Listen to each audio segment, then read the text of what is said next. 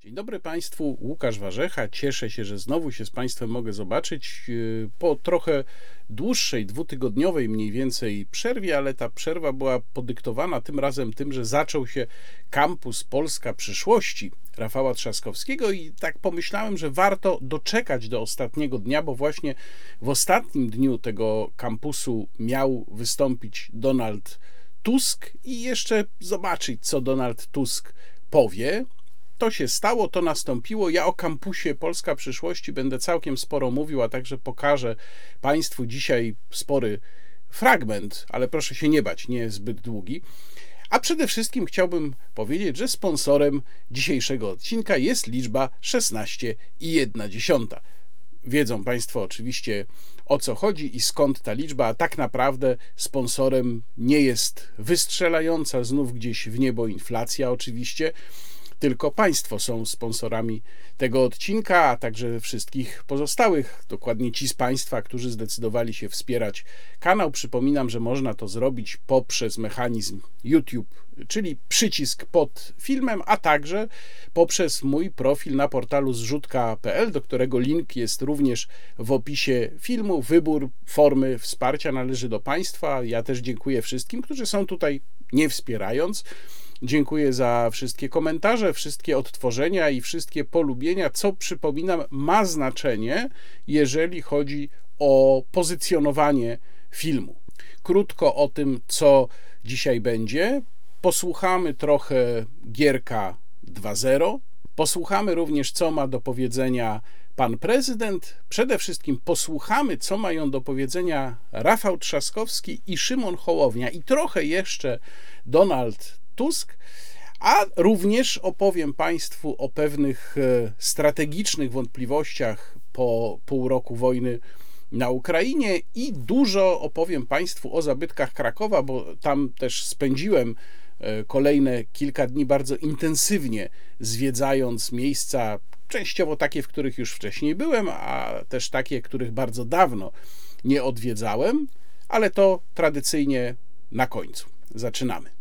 Najpierw chciałbym Państwu pokazać skrót wywiadu, którego w gościu wiadomości, tym razem Danucie Choleckiej, udzielił Mateusz Morawiecki. I tu proszę sobie przypomnieć, jak pokazywałem Państwu, nie było to tak dawno, skrót wywiadu, którego Mateusz Morawiecki udzielił też w gościu wiadomości Michałowi Adamczykowi. I proszę sobie przypomnieć, jak wtedy ustosunkowany był do Mateusza Morawieckiego e, Michał Adamczyk. Proszę sobie to porównać z tym, jak tutaj przeprowadza ten wywiad Danuta Cholecka. Ciekaw jestem Państwa spostrzeżeń, a ja swoimi podzielę się z Państwem po tym, jak już Państwo ten skrót rozmowy z panem premierem, naszym umiłowanym Gierkiem 2.0 obejrzą. Proszę bardzo. Jak jest kryzys, to uważam, że państwo powinno jeszcze bardziej pomagać. Przypomnijmy sobie, jak było w czasach e, Platformy Obywatelskiej. Wtedy bezrobocie szalało, do, urosło do poziomu 14,4% w 2013 roku. To było ponad 2 miliony 300 tysięcy ludzi. A my staramy się prowadzić odwrotną politykę, to znaczy taką, żeby tym, którym jest trudniej, pomagać bardziej. Im jest trudniej na rynku, na zewnątrz, im jest większy kryzys, tym pomagamy bardziej. Państwo liberalne to państwo, które zostawia ludzi samych sobie. A czy jest szansa, że ta 14 emerytura wpisze się na stałe e, do kalendarza? byśmy bo prezes Kaczyński mówi, że bardzo chciałby, żeby byśmy tak chcieli. było. Oczywiście wszyscy staramy się w taki sposób zarządzać finansami publicznymi, żeby pomagać emerytom i przez bardzo wysokie waloryzacje.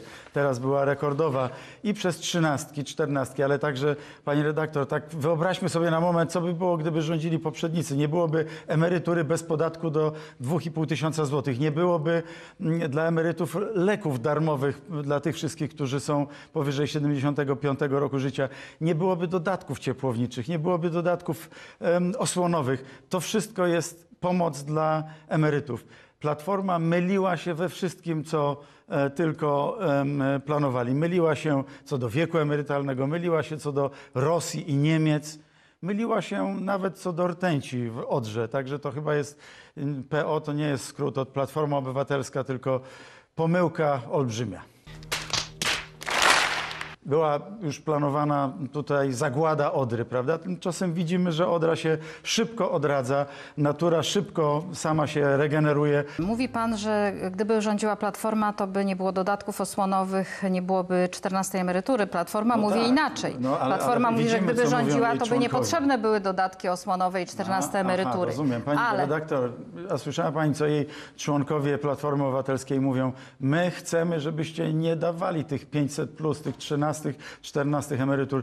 To trzeba zamrozić, powiedział jeden z posłów chyba nawet, prawda? Zawiesić, w Zawiesić. ogóle. Zawiesić, tak?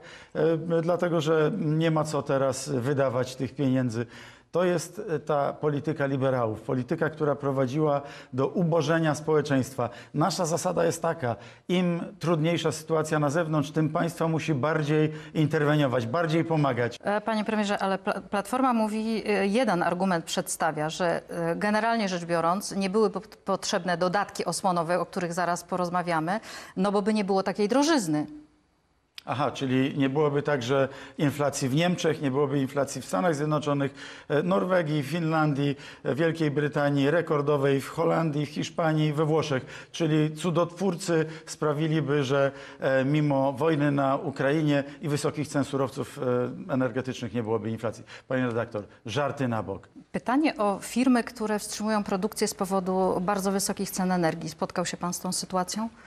Słyszał pan o tym? E, Pani redaktor, ta sytuacja drogich, e, bardzo wysokich cen energii e, to jest poważny problem dla tych zwłaszcza firm, które bardzo mocno zależą od cen energii, jak na przykład Azoty czy Anvil, czyli te firmy, które produkują nawozy. One wręcz teraz wstrzymały, dlatego że jak Putin wstrzymał dostawy gazu, spowodował bardzo wysokie ceny gazu, to jednocześnie przekłada się to na bardzo wysokie ceny tych produktów, których, do których użycia, do których wyprodukowania gaz jest bardzo potrzebny. I dla tych firm energochłonnych przygotowaliśmy również specjalny pakiet dopłat ze strony e, państwa, ze strony budżetu państwa, po to, żeby złagodzić skutki wysokich cen energii. Czy my mamy e, zakontraktowany ten gaz z Norwegii, czy nie? Mamy tego gazu tyle zakontraktowanego, ile trzeba, tyle zakontraktowanego, ile trzeba, tyle zakontraktowanego, ile trzeba i kontraktujemy teraz dodatkowo gaz do tej e, rury bałtyckiej, do tego gazociągu bałtyckiego. To też, pani redaktor, taka rzecz, którą e, trzeba powiedzieć.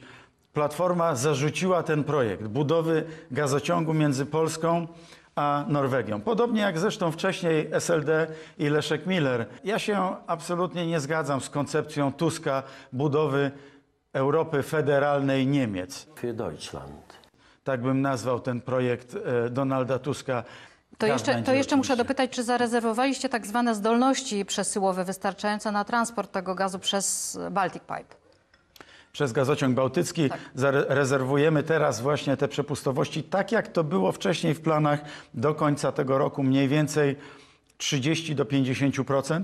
Chcemy do, w, tych, w tym przedziale zakontraktować gaz, a od stycznia wypełniać coraz bardziej tą rurę. Taki był plan również rok temu, dwa lata temu i tego planu się trzymamy, czyli nawet do 80%, a być może w drugim półroczu przyszłego roku powyżej 80% e, do pełnej przepustowości e, tego gazociągu. E, Natomiast chciałam zapytać o węgiel, czy będzie, bo wiele osób zadaje te pytania, czy nie zabraknie tego węgla? No dodatek Tak, węglowy. po embargo tak, na węgiel rosyjski te pytania są uprawnione, tak. tak, dlatego pytam, czy sądzi pan, że mm, można Polakom powiedzieć, żeby nie bali się po prostu, że ten węgiel będzie? E, Pani redaktor, szanowni państwo, codziennie mamy spotkania, podczas których importerzy węgla, Węglokoks i PGE Paliwo przedstawiają nam kolejne swoje plany kontraktowania węgla, przywozu do Polski, do polskich portów, ale także korzystamy z portów zagranicznych, e, portów Ara, Amsterdam, Rotterdam, Antwerpia, portu Rostock, chcemy korzystać z portów łotewskich po to, żeby tego węgla było raczej więcej w zapasie, niż żeby zabrakło e, tego węgla. Tutaj też bardziej już teraz martwimy się o ceny tego węgla niż o jego dostępność. To jeszcze chciałam zapytać o dodatek węglowy, o który pan zachęca, żeby składać wnioski. Jak najbardziej można to zrobić. Tylko ja chciałam zapytać, czy to jest dodatek do pieca, czy jak na przykład w dużym domu mieszkają dwie albo trzy rodziny, to to jest dodatek dla rodziny czy dla pieca? To jest dodatek dla gospodarstwa domowego, więc jeżeli na przykład mamy bliźniak i w tym bliźniaku jest jeden kocioł, to, to, to dwie rodziny, każda mieszkająca w jednej części bliźniaka jest uprawniona do tego dodatku. Jeżeli mamy jakieś gospodarstwo wielorodzinne, na przykład e, dom, który jest ogrzewany kotłem, a mieszka tam cztery czy pięć rodzin, każda z nich, każde z tych gospodarstw domowych, każda z nich, każde z tych gospodarstw domowych, każda z nich, każde z tych gospodarstw domowych jest uprawnione do tego dodatku. Nie zostawiamy ludzi samych sobie. To nie jest polityka Platformy Obywatelskiej, liberałów, państwa nocnego stróża, które zostawiało obywateli samych sobie. To jest polityka interwencyjna, polityka wrażliwości społecznej i pomagania Polakom. Robotniczej myśli socjalistycznej, możemy sobie tak przecież szczerze powiedzieć. A więc ta myśl jest głęboko filoz- filozofii Prawa i Sprawiedliwości obecna. Tak, panie redaktor, te wysokie ceny są bardzo dużym nieszczęściem, ale prawdziwym nieszczęściem byłby powrót e, Platformy Obywatelskiej, partii polskiej biedy, która w czasie, jak był kryzys, nie pomagała Polakom i w takiej sytuacji zostawiała ich samych sobie. To jeszcze Ukraina, bo nie możemy oczywiście nie powiedzieć o tym. Jak my pomagamy?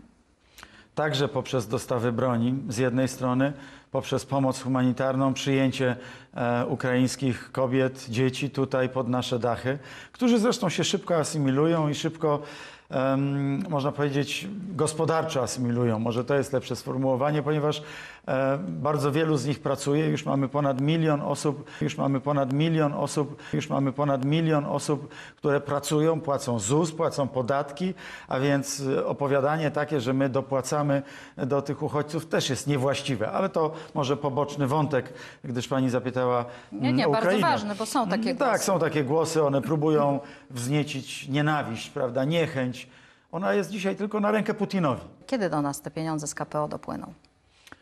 Pani redaktor, Choćby ja patrzę, na, ja patrzę na to e, jako na całą pulę środków unijnych, bo widzę, że pani podobnie jak skrajna prawica i skrajna nasza opozycja, totalna opozycja, e, również e, dała się wpuścić w taki nurt narracji o KPO. Każdy ma oczywiście do tego prawo, ale KPO to jest 120-130 miliardów złotych zaokrąglając. Jak podzielimy to na 6 lat, na okrągło wychodzi 20 miliardów złotych rocznie. To nie jest naprawdę coś, co zmienia zasadniczo sytuację gospodarczą. Będzie to taki nowy plan Marszala. Będzie to taki nowy plan Marszala. Będzie to taki nowy plan Marszala. Czy sytuację finansową Polski? No ale przyzna pan, że te początku- pieniądze by się przydały.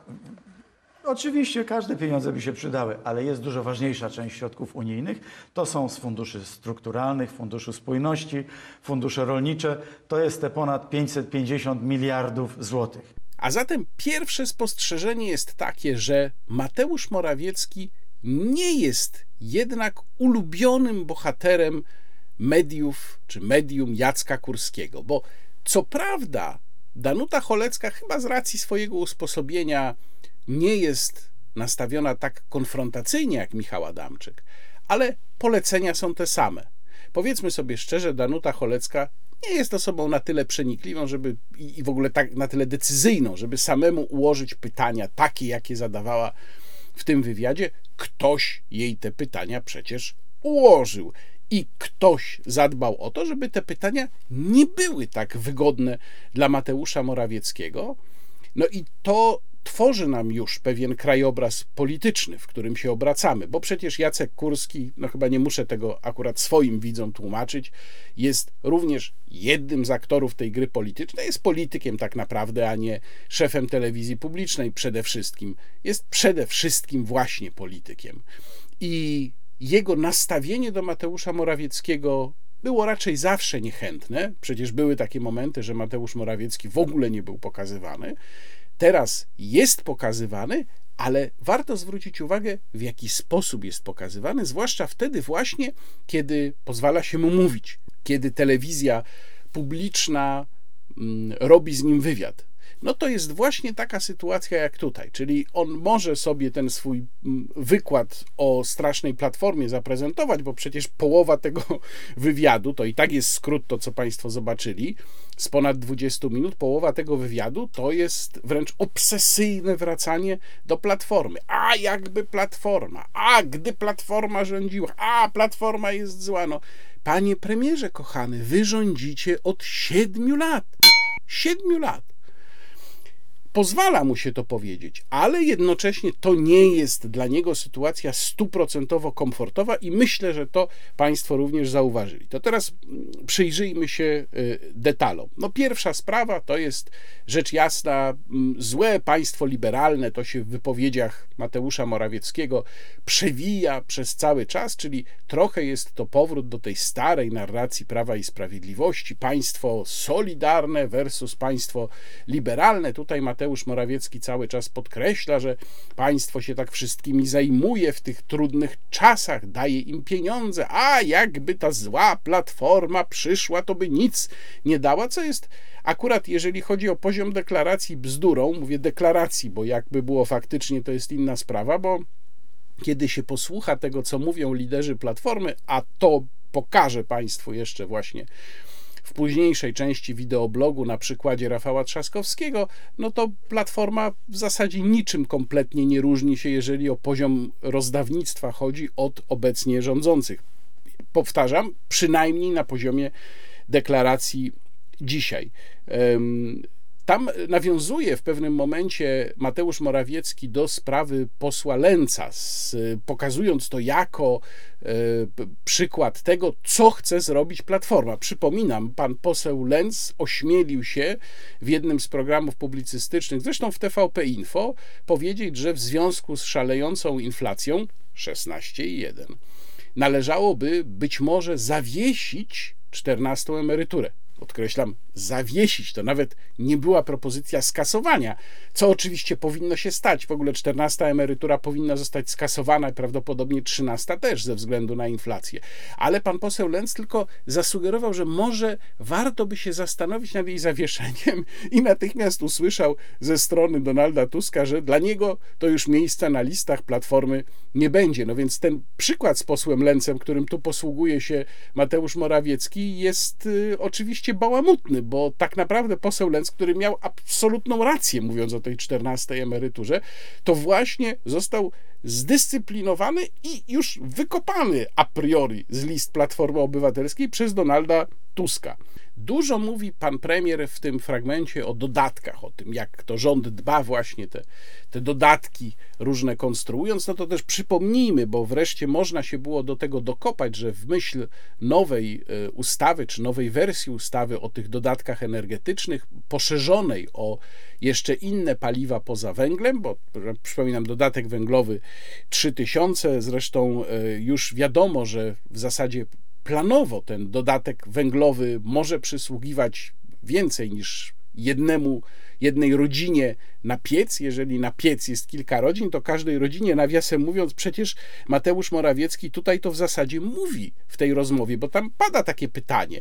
I Mateusz Morawiecki wprost potwierdza, że tak, że to jest do, dla gospodarstwa domowego. Jeżeli jest więcej niż jedno gospodarstwo domowe w danym domu, to nawet jak jest jeden piec, to każdy sobie może ten dodatek wziąć. Czyli potwierdza, że mamy do czynienia po prostu z takim chamskim, wulgarnym rozdawnictwem, a nie z rzeczywistą pomocą no to y, przypominam, że te nowe dodatki, czyli tam olej opałowy, pelet, y, mają kosztować około 9 miliardów złotych. No to jak sobie dodamy 9 miliardów do 11,5 miliarda, które miało pójść na dodatek węglowy, a pewnie będzie więcej, no bo to było liczone jakoś tam od liczby pieców, a nie gospodarstw domowych no to teraz jak ludzie wiedzą, że mogą wziąć dodatek na gospodarstwo domowe, no to pewnie będzie więcej niż 11,5 miliarda, no ale gdyby to podsumować, to już mamy 20 miliardów na te dodatki. Ale kto bogatemu zabroni?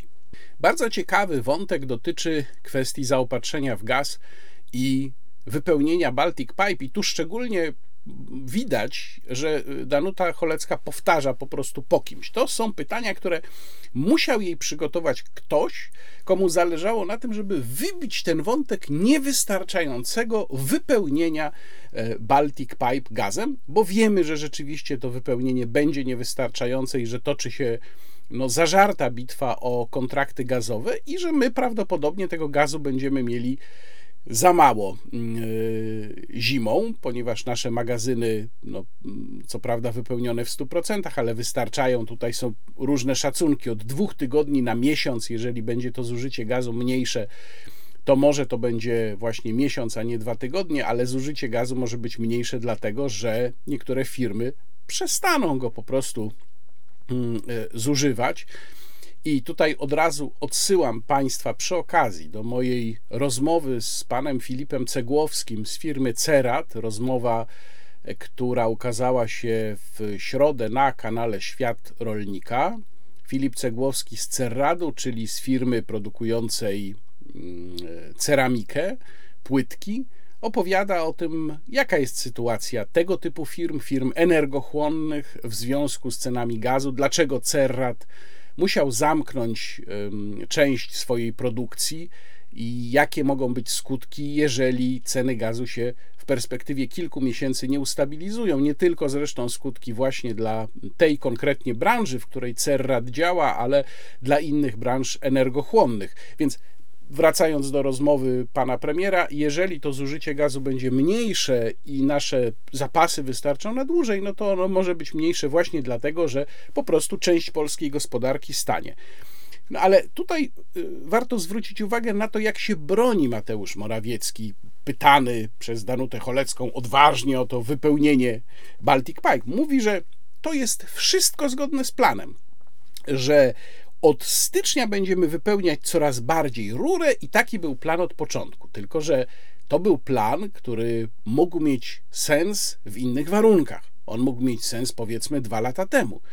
Natomiast y, patrząc na to, co się działo na wschodzie, patrząc na to, jak y, Rosja zaczęła gromadzić swoje siły u granic Ukrainy, choć nie spodziewano się, wiele osób się nie spodziewało, w tym ja, że Rosja tę wojnę rozpocznie, no ale sytuacja była coraz bardziej napięta, a my Baltic Pipe wiedzieliśmy, że będziemy mieli gotowy właśnie jesienią tego roku, no to oczywiście trzeba było od razu działać na rzecz wypełnienia tej rury całkowicie. To zresztą jest teza, którą Piotr Woźniak między innymi były szef PGNiG powtarza już od dosyć dawna. Więc ta obrona pana premiera, że to jest wszystko zgodne z planem, tylko że plan był konstruowany kilka lat temu, no jest y, dosyć słaba. Jeżeli Baltic Pipe nie uda się wypełnić co najmniej od stycznia, bo no wtedy dopiero on osiągnie też taką swoją nominalną przepustowość, około 10 miliardów metrów sześciennych e, rocznie. Wcześniej będzie miał mniejszą, bo po prostu taki jest technologiczny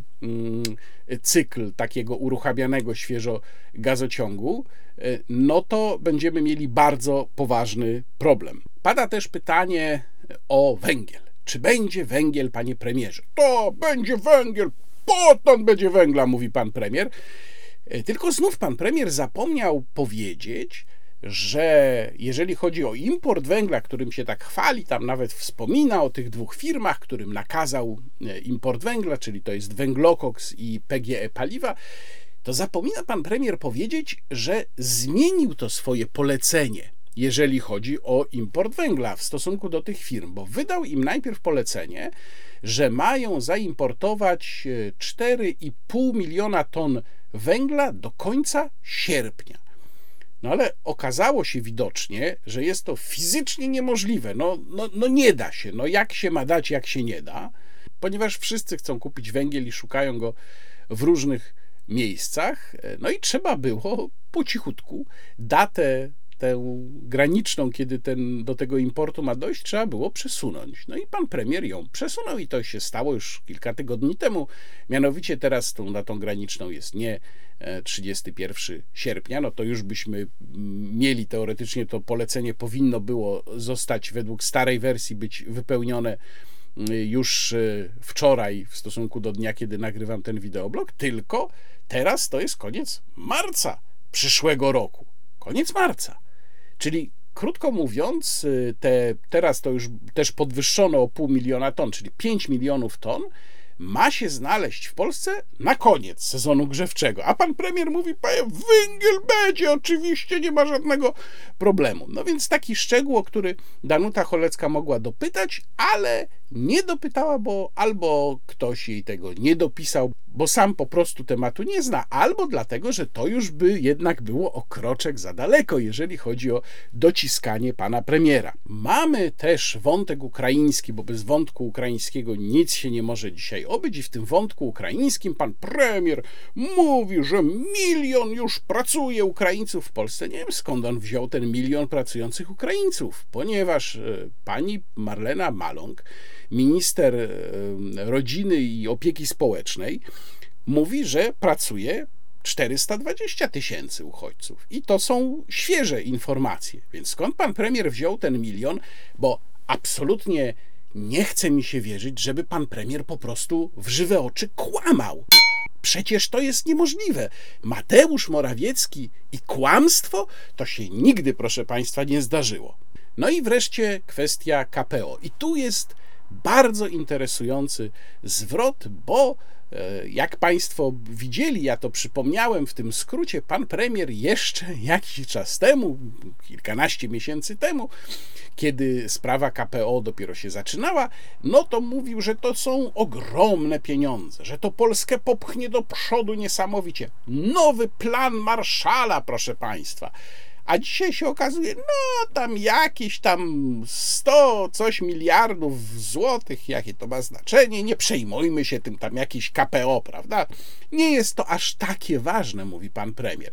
I ja nawet jestem skłonny się z nim zgodzić, bo sam od początku mówiłem, że to nie są pieniądze decydujące dla polskiego budżetu, aczkolwiek pamiętajmy, że gdyby one zostały odblokowane, to miałoby to takie znaczenie, że prawdopodobnie trochę pomogłoby w ustabilizowaniu złotego, który nurkuje niestety w stosunku do głównych walut i to my odczuwamy wszyscy poprzez inflację, ponieważ deprecjacja złotego w stosunku do głównych walut, a przede wszystkim do dolara, odbija się również na poziomie cen, czyli na inflacji, no poprzez po prostu dobra importowane, a także poprzez paliwa bo paliwa przecież są kupowane za dolary właśnie, a także się odbija na sytuacji kredytobiorców frankowych, bo tutaj frank dobija powolutku do 5 zł i ci ludzie znowu zaczynają mieć bardzo poważny problem, już razem z kredytobiorcami złotówkowymi, których z kolei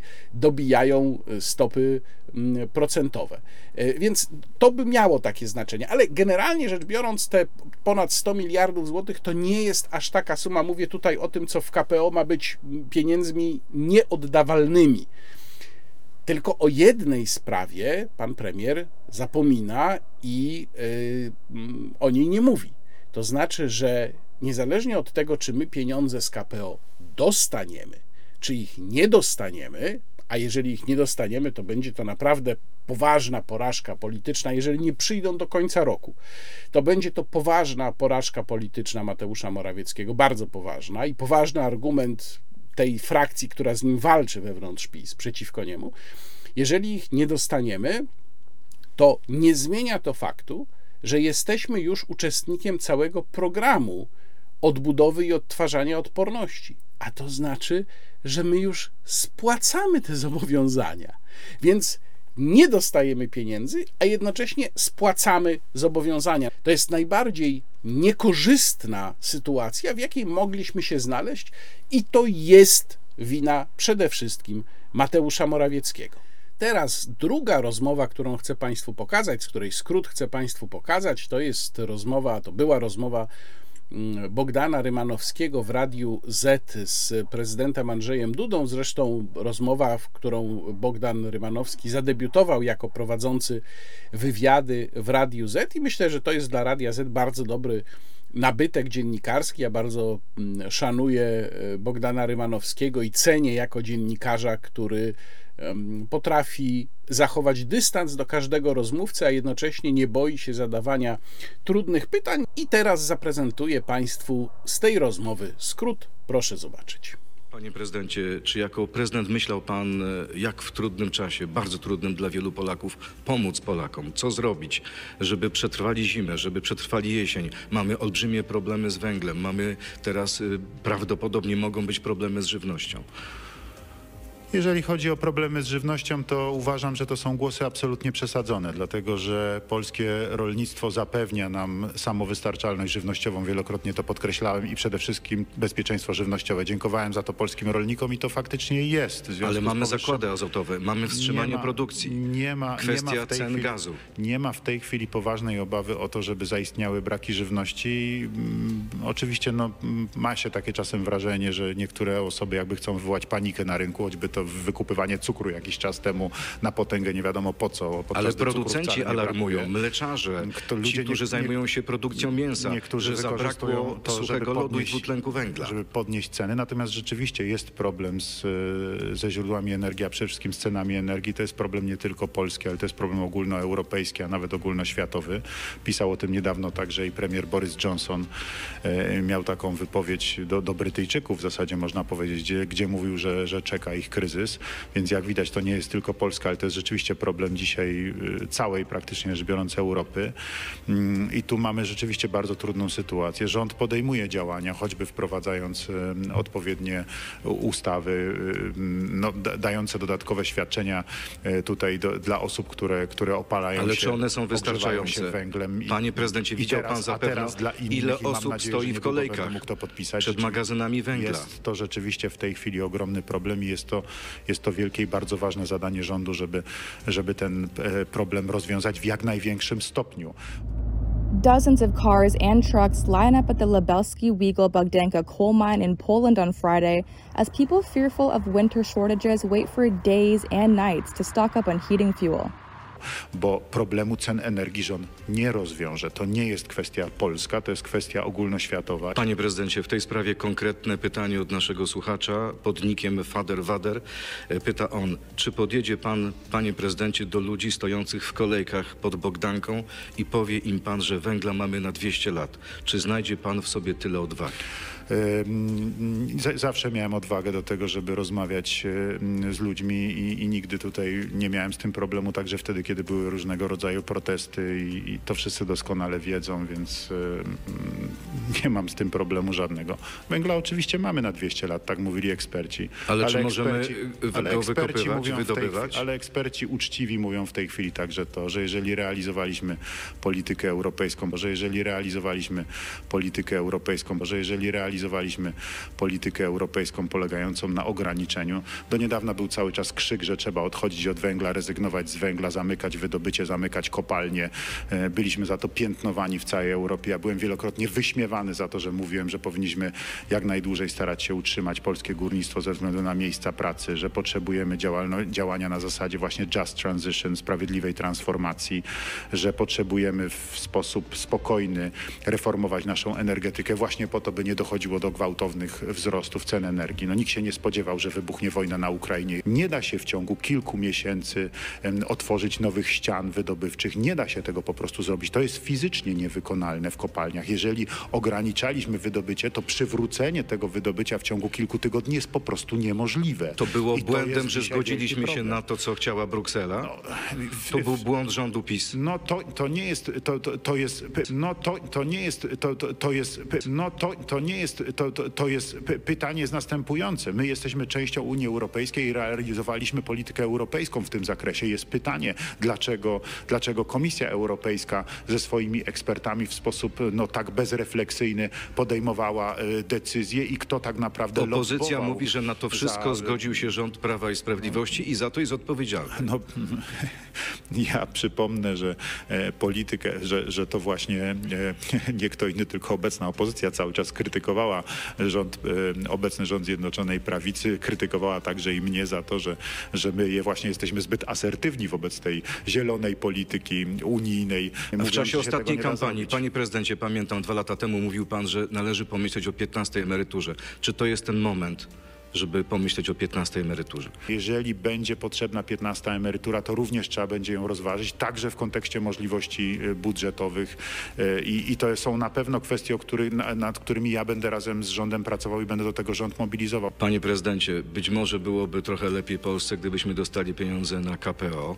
Prezydent Kaczyński, przepraszam, prezes Kaczyński w ostatnim wywiadzie dla sieci powiedział, że gdyby nie pańskie weta do ustaw sądowniczych, to bylibyśmy, jeśli chodzi o relacje z Unią Unią w zupełnie innej sytuacji. No cóż, no ja pamiętam zupełnie odwrotne wypowiedzi pana prezesa z 2020 roku, z wiosny 2020 roku, kiedy, kiedy mówił, że to są słuszne decyzje. Ale wie pan, że on e, też powiedział, że musiał przełknąć tą żabę, musiał tak powiedzieć, żeby pan nie przegrał kampanii. No ale to wszyscy ci, którzy mają dobrą pamięć i pamiętają, jak wyglądała wtedy sytuacja, jak przebieg e, tego procesu zmian w polskim wymiarze sprawiedliwości wyglądał przez ostatnie lata, wie z ilu kwestii potem pan prezes e, Kaczyński sam się wycofywał w związku z powyższym. No, e, sytuacja jest bardzo trudna i, i, i tak naprawdę trwa w tej chwili starcie pomiędzy, pomiędzy polską racją stanu a, a, a środowiskami prawniczymi, które chcą władzy. Dostaniemy te pieniądze, czy nie dostaniemy, pana zdaniem? Krótko. To jest problem polityczny i dzisiaj ten problem jest politycznie rozgrywany. Prezes Kaczyński przyznał, że bardzo dawno nie rozmawialiście ze sobą. Brakuje panu tych rozmów? Panie redaktorze, ja realizuję e, zadania państwowe i to jest e, moja podstawowa troska. Te zadania państwowe dla mnie przede wszystkim jest to dbanie o interes i bezpieczeństwo obywateli i staram się z tego wywiązywać jak najlepiej. Gdyby zadzwonił prezes Kaczyński do pana i powiedział: Panie prezydencie, proszę zgodzić się na zmianę ordynacji, żeby było więcej okręgów, w których byłoby do zdobycia mniej mandatów, czy pan by się zgodził? E, Czy zadzwoni do mnie pan prezes Jarosław Kaczyński, czy zadzwoni do mnie pan premier, czy zadzwoni do mnie jakikolwiek inny polityk, czy lider jakiejkolwiek innej partii, która ma swoje miejsce w naszym parlamencie i może wystąpić z inicjatywą ustawodawczą, pierwszą moją prośbą i pytaniem zarazem, ale też i w jakimś sensie żądaniem, będzie bardzo proszę przedstawić konkretny projekt ustawy z konkretnymi rozwiązaniami, bo dopiero wtedy będziemy mogli zacząć poważną rozmowę. Czyli już ma pan pewne wątpliwości, żeby zmieniać ordynację na rok przed wyborami? Mm, Zawsze mam wątpliwości, jeżeli chodzi o każdą ustawę i każda ustawa chce, żeby była zgodna z konstytucją, żeby była zgodna e, z normami, w jakich powinno funkcjonować państwo demokratyczne. Dałem temu wyraz, chociażby nie zgadzając się na ordynację do Parlamentu Europejskiego, która mm, tak naprawdę w pewien, no właściwie tak nieco ukryty sposób podnosiła tak naprawdę próg wyborczy do, jak niektórzy twierdzili, może nawet 12%. Ja uważałem, że drastyczne podniesienie progu wyborczego, a temu nikt nie zaprzeczał, że będzie drastyczne podniesienie pra, tak naprawdę progu wyborczego jest niedopuszczalne w tej sytuacji, bo wy, wyeliminuje ogromną część reprezentacji e, demokratycznej z możliwości realnego ubiegania się o mandaty w Europarlamencie, a tym samym odbierze e, tak naprawdę głos wyborcom. Więc- Trochę brzmi więc to, panie tym- prezydencie, jak zapowiedź kolejnego weta. nie, absolutnie nie ma zapowiedzi kolejnego weta, tylko mówię po prostu, że biorę pod uwagę różne okoliczności, zwłaszcza biorę pod uwagę kwestie demokratycznych standardów i prawdziwej możliwości realizacji zasad demokracji, czyli prawdziwej możliwości wybierania. Kolejne pytanie, tym razem ze strony Pawła Grasia. E, Co prezydent sądzi o aferze mailowej Michała Dworczyka? Głęboki oddech. Sądzę, że, sądzę, że mm, jeżeli te treści, które, y, które wynikają z tych maili są prawdziwe, no to mm, posługiwanie się tego typu tego typu kanałem, praktycznie rzecz biorąc otwartym kanałem do prowadzenia e, takich e, dywagacji różnego rodzaju politycznych, no mm, e, było mało rozsądne, to na pewno. To A te treści kompromitują e, ludzi, którzy wymieniają drugie- tę korespondencję? Wie pan, no, dla, dla, powiem tak, no, jestem w świecie polityki od lat, może nie bardzo, bardzo długo, ale, ale, ale od 2006 roku w nim jestem, więc to już chwilę trwa i, e, i, i, i, i uśmiecham się często z hipokryzją, e, nad hipokryzją e, wypowiedzi niektórych polityków, tutaj zwłaszcza opozycyjnych e, wobec tych maili, bo, bo też przypomnijmy sobie taśmy, słynne taśmy Platformy nagrywane w, w restauracjach, jakim tam językiem operowano, w jakich sprawach tam rozmawiali i byli w tym także i politycy opozycji, więc no po prostu w świecie polityki czasem rozmawia się w sposób brutalny i czasem są też prowadzone różnego rodzaju polityczne gierki. No. Panie prezydencie, kilka dni temu wrócił pan z Kijowa. To już kolejna podróż do stolicy Ukrainy. Jest pan jednym z najpopularniejszych polityków na Ukrainie. Czy może pan powiedzieć o prezydencie Zełańskim, to jest mój przyjaciel? Tak, mogę powiedzieć, że w tym sensie politycznym to jest mój przyjaciel. Mamy polityczny związek partnerski Dudy i Zeleńskiego. Mamy polityczny związek przyjacielski, e, koleżeński, wzajemnego zrozumienia i szacunku na pewno z mojej strony dla prezydenta Wołodymira Zeleńskiego, dla, dla Wołodymira i Ukraina wymaga wielu reform, bardzo trudnych reform. E, To jest państwo o innym profilu w tej chwili niż Polska, gdzie, gdzie jest ta specyficzna sytuacja z bardzo potężnymi wpływami oligarchów, bardzo trudna, z którą on musi sobie radzić i, i, i, i naprawdę e, ja widzę w jak bardzo umiejętny i mądry sposób e, m, szuka rozwiązań. Długi wątek, jak Państwo widzieli, e, poświęcono sprawom energii. Trudno się dziwić. Energia, surowce energetyczne, węgiel, gaz to jest w tej chwili najważniejsze. Oczywista sprawa. No i co tu mówi nam pan prezydent? Po pierwsze, mówi, że rząd nie rozwiąże problemu cen energii. No owszem, teraz już nie rozwiąże, tylko pan prezydent zapomniał o tym, że rząd mógł to zrobić wcześniej. Jedna sprawa to jest y, pytanie o to, co teraz można zrobić, i teraz rzeczywiście chyba już tak dużo zrobić nie można, ale druga sprawa to jest pytanie o to, co można było zrobić wcześniej i czego nie zrobiono. A więc przede wszystkim to, o czym już mówiłem ym, przed chwilą, to znaczy można było zakontraktować gaz do Baltic Pipe zawczasu, tak żeby cały rurociąg został wypełniony. Można było również, i patrząc na to, jaka jest dzisiaj sytuacja w Polsce z gazem, jestem coraz bardziej zwolennikiem tego, że tak właśnie trzeba było zrobić. Można było mm, spełnić oczekiwania rosyjskie i e, płacić w ten sposób za gaz, jak sobie Rosja życzyła, aż do mm, ukończenia kontraktu. To jest y, raptem byłoby kilka miesięcy. Mm, Ten kontrakt się w tym roku kończył, ale mielibyśmy wtedy większe pole manewru, jeżeli chodzi o e, gaz i o jego cenę, niż mamy w tej chwili.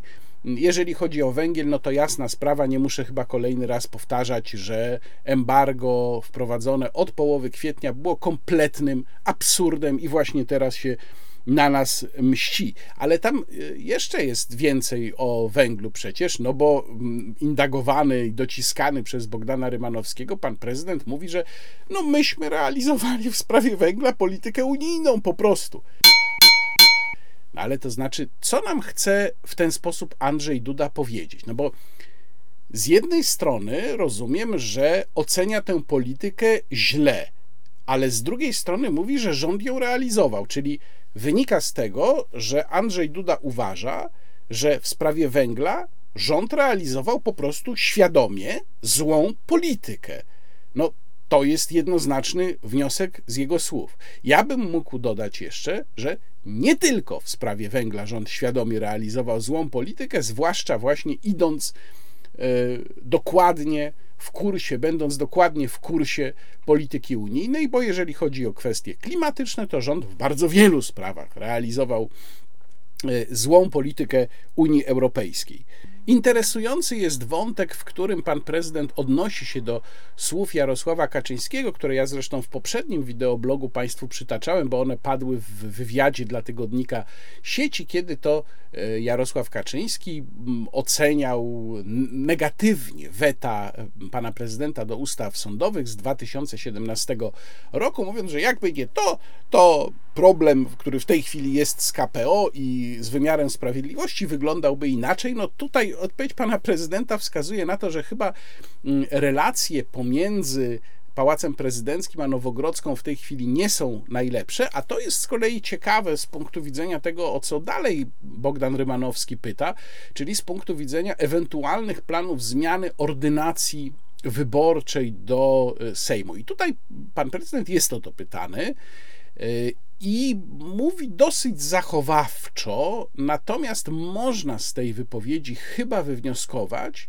że no jest, będzie raczej sceptyczny wobec takiej zmiany, która powodowałaby, że mniejsze partie e, mogą mieć problem z wejściem do Sejmu, bo ten efektywny próg wyborczy mm, zostanie podniesiony. Więc y, myślę, że małe są w tej chwili szanse na to, że uda się Prawu i Sprawiedliwości tę sprawę mm, z panem prezydentem wynegocjować. Tam jeszcze padło pytanie, ja już tego Państwu tutaj nie pokazywałem, dotyczące mm, przełożenia terminu wyborów samorządowych, i tutaj y, pan prezydent y, mówi, że mm, tak, że wybory samorządowe, jeżeli by to było przesunięcie o ograniczony czas, to prawdopodobnie na to by się zgodził. Ale mm, powiedzmy, że to jest może mniej istotne, bardziej istotna jest kwestia ordynacji wyborczej. Jest wreszcie mm, pytanie o, o maile Dworczyka. I tutaj y, też pan prezydent, to, to charakterystyczne, nie wchodzi w tę narrację, którą powiela wielu członków rządu, czyli nie mówi o tym, że to ruska prowokacja, że Ruscy wykradli i tak dalej. Y, nawet nie odmawia odpowiedzi przecież na to pytanie, bo niektórzy członkowie PiS w ogóle nie chcą o tym mówić, prawda? Bo to Ruscy, to wiadomo, to nie ma co mówić. Y, natomiast no, jedną rzecz tutaj pan prezydent pomija, bo skupia się na tym, że trochę niemądrze jest posługiwać się prywatnymi skrzynkami y, w sprawach służbowych. Zgadzam się tutaj z panem prezydentem. Natomiast no jednak przede wszystkim pytanie brzmi, w jaki sposób otoczenie premiera Morawieckiego podejmuje decyzje. I to jest zasadnicza kwestia, która z tych maili wypływa. Sposób podejmowania decyzji, kompletnie odrębny od tego, jak powinien ten mechanizm formalnie wyglądać, na zasadzie jakichś dziwnych konsultacji, również z udziałem niektórych tak zwanych dziennikarzy. Więc tak naprawdę to pan prezydent powinien tutaj skomentować, a nie to, czy mądrze jest posługiwać się skrzynką na e, komercyjnym serwerze, jeżeli się jest e, członkiem rządu. No i wreszcie znów pojawia się wątek e, ukraiński, i tutaj pozwolę sobie odesłać Państwa do mojego tekstu w cyklu Konstytucja Wolności, który napisałem na portalu do rzeczy i w którym postawiłem taką tezę, że te deklaracje składane przez pana prezydenta, między innymi te słowa, które mm, wygłaszał znowu, będąc niedawno na e, forum krymskim, będąc w, na spotkaniu na Ukrainie, e, słowa e, pana prezydenta są spójne z tym, jaką on prowadzi politykę i jakie ma wyobrażenie na temat wzajemnych relacji. To znaczy, że nie jest to tylko to, to mówienie, że my jesteśmy dla was, że my jesteśmy w zasadzie na każde wasze zawołanie, mówienie do Ukraińców. To nie jest tylko i wyłącznie retoryka polityczna, która jest w danym momencie potrzebna. Że to jednak wynika z pewnej niebezpiecznej fascynacji wizją jakiegoś bardzo głębokiego zbliżenia pomiędzy naszymi dwoma krajami i takiego powiedziałbym, prometejskiego zafascynowania tą wizją. Tutaj moim zdaniem leży problem, bo ja, jak Państwo wiedzą, nie jestem przeciwnikiem dobrych relacji pomiędzy Polską a Ukrainą. Nawiasem mówiąc, ukazał się to ciekawe niedawno taki sondaż opublikowany przez Centrum imienia Juliusza Mieroszewskiego, który pokazuje, jak bardzo poprawiła się opinia Ukraińców na temat Polaków i na temat Polski. To jest oczywiście bardzo dobra wiadomość, ale to wszystko nie oznacza, że mamy porzucić pragmatyzm we wzajemnych relacjach. Szczególnie, że to napisałem w swoim tekście. E, przywódcy Ukrainy, przede wszystkim Wołodymyr Zełęński, są pragmatyczni, to widać na każdym kroku. Natomiast niestety z polskiej strony, przede wszystkim ze strony Andrzeja Dudy, widać moim zdaniem, że pragmatyzm może jakiś tam jest, ale przede wszystkim jest jakaś taka fascynacja tym momentem historycznym, że to jest wielki moment historyczny, który w zasadzie zwalnia nas z konieczności dokonywania mm, jakichś e, konkretnych kalkulacji i mamy realizować wielką prometejską wizję przymierza dwóch narodów. I to, to jest niebezpieczne. To jest to zakochanie Andrzeja Dudy, o którym w swoim tekście pisałem. E, natomiast o zagrożeniach związanych z samowojną to jeszcze będę w dalszej części wideoblogu mówił. Teraz przenieśmy się na kampus Polska przyszłości. Moim zdaniem bardzo znacząca w tym roku impreza, która przypominam zaczęła się e, tuż po przegranych przez mm, Rafała Trzaskowskiego e, wyborach prezydenckich, ale to jeszcze był trochę inny układ, trochę inna e, sytuacja. Tusk tam dopiero wchodził do gry. Mm, Nie było go zresztą jeszcze w Polsce, ale wchodził do gry w sensie takim, że dopiero, e, dopiero się liczono z tym, że on może wrócić. Więc e, teraz kampus Polska Przyszłości ma inne trochę miejsce i to jest miejsce ważniejsze niż moim zdaniem było te dwa lata temu. Teraz się odbywa po raz trzeci i y, najpierw chciałbym Państwu pokazać skrót z bardzo długiego spotkania Szymona Hołowni z Rafałem Trzaskowskim. Dlaczego wybrałem akurat to? Bo tam oczywiście można byłoby wybierać dużo tych nagrań y, ze spotkań jest dużo, niektóre zrobiły niezłą karierę, Majka Jeżowska, ale to są wszystko, powiedziałbym, didaskalia. To są wszystko różnego rodzaju smaczki, które też trzeba uwzględnić, jak się ocenia kampus Polska przyszłości, ale przede wszystkim ważne było to konkretne spotkanie i drugie spotkanie z Donaldem Tuskiem, o tym też mm, będę później mówił. Natomiast spotkanie z Szymonem Hołownią było o tyle ważne, że to jest potencjalnie najistotniejszy partner polityczny, ważniejszy niż PSL, które ma mniejsze poparcie, dlatego spotkania z y, Władysławem Kosiniakiem-Kamyszem tutaj nie będę Państwu pokazywał. To spotkanie z Szymonem Hołownią, ta rozmowa y, Rafała Trzaskowskiego z Szymonem Hołownią trwała godzinę i 40 minut. Ja z tego zrobiłem mniej więcej mm, y, 15-minutowy skrót. Mogą go sobie Państwo rzecz jasna przyspieszyć, nawet to rekomenduję, to wtedy szybciej pójdzie, ale warto posłuchać, co w tym skrócie się znalazło, ponieważ to są moim zdaniem znaczące jednak sygnały dotyczące planów obu tych e, panów. E, Proszę zobaczyć, a potem skupimy się na konkretnych elementach tych wypowiedzi.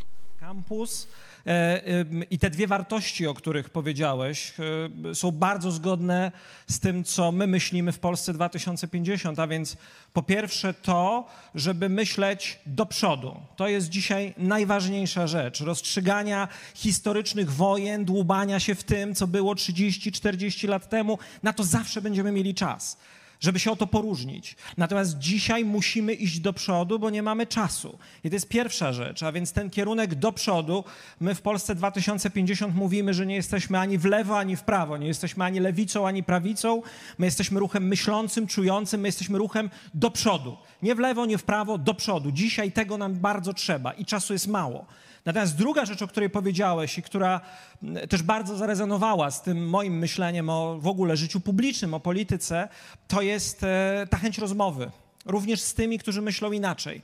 I oni czasami przychodzą z tej strony, a czasami przychodzą z innej strony. E, w, powiem wprost, jeżeli by mnie zaprosili, może nie aparat, bo ten wiem, co by z tym zrobił, ale wyborcy PiSu na taką rozmowę, to też bym poszedł. Kierunek do przodu jest dzisiaj najważniejszy.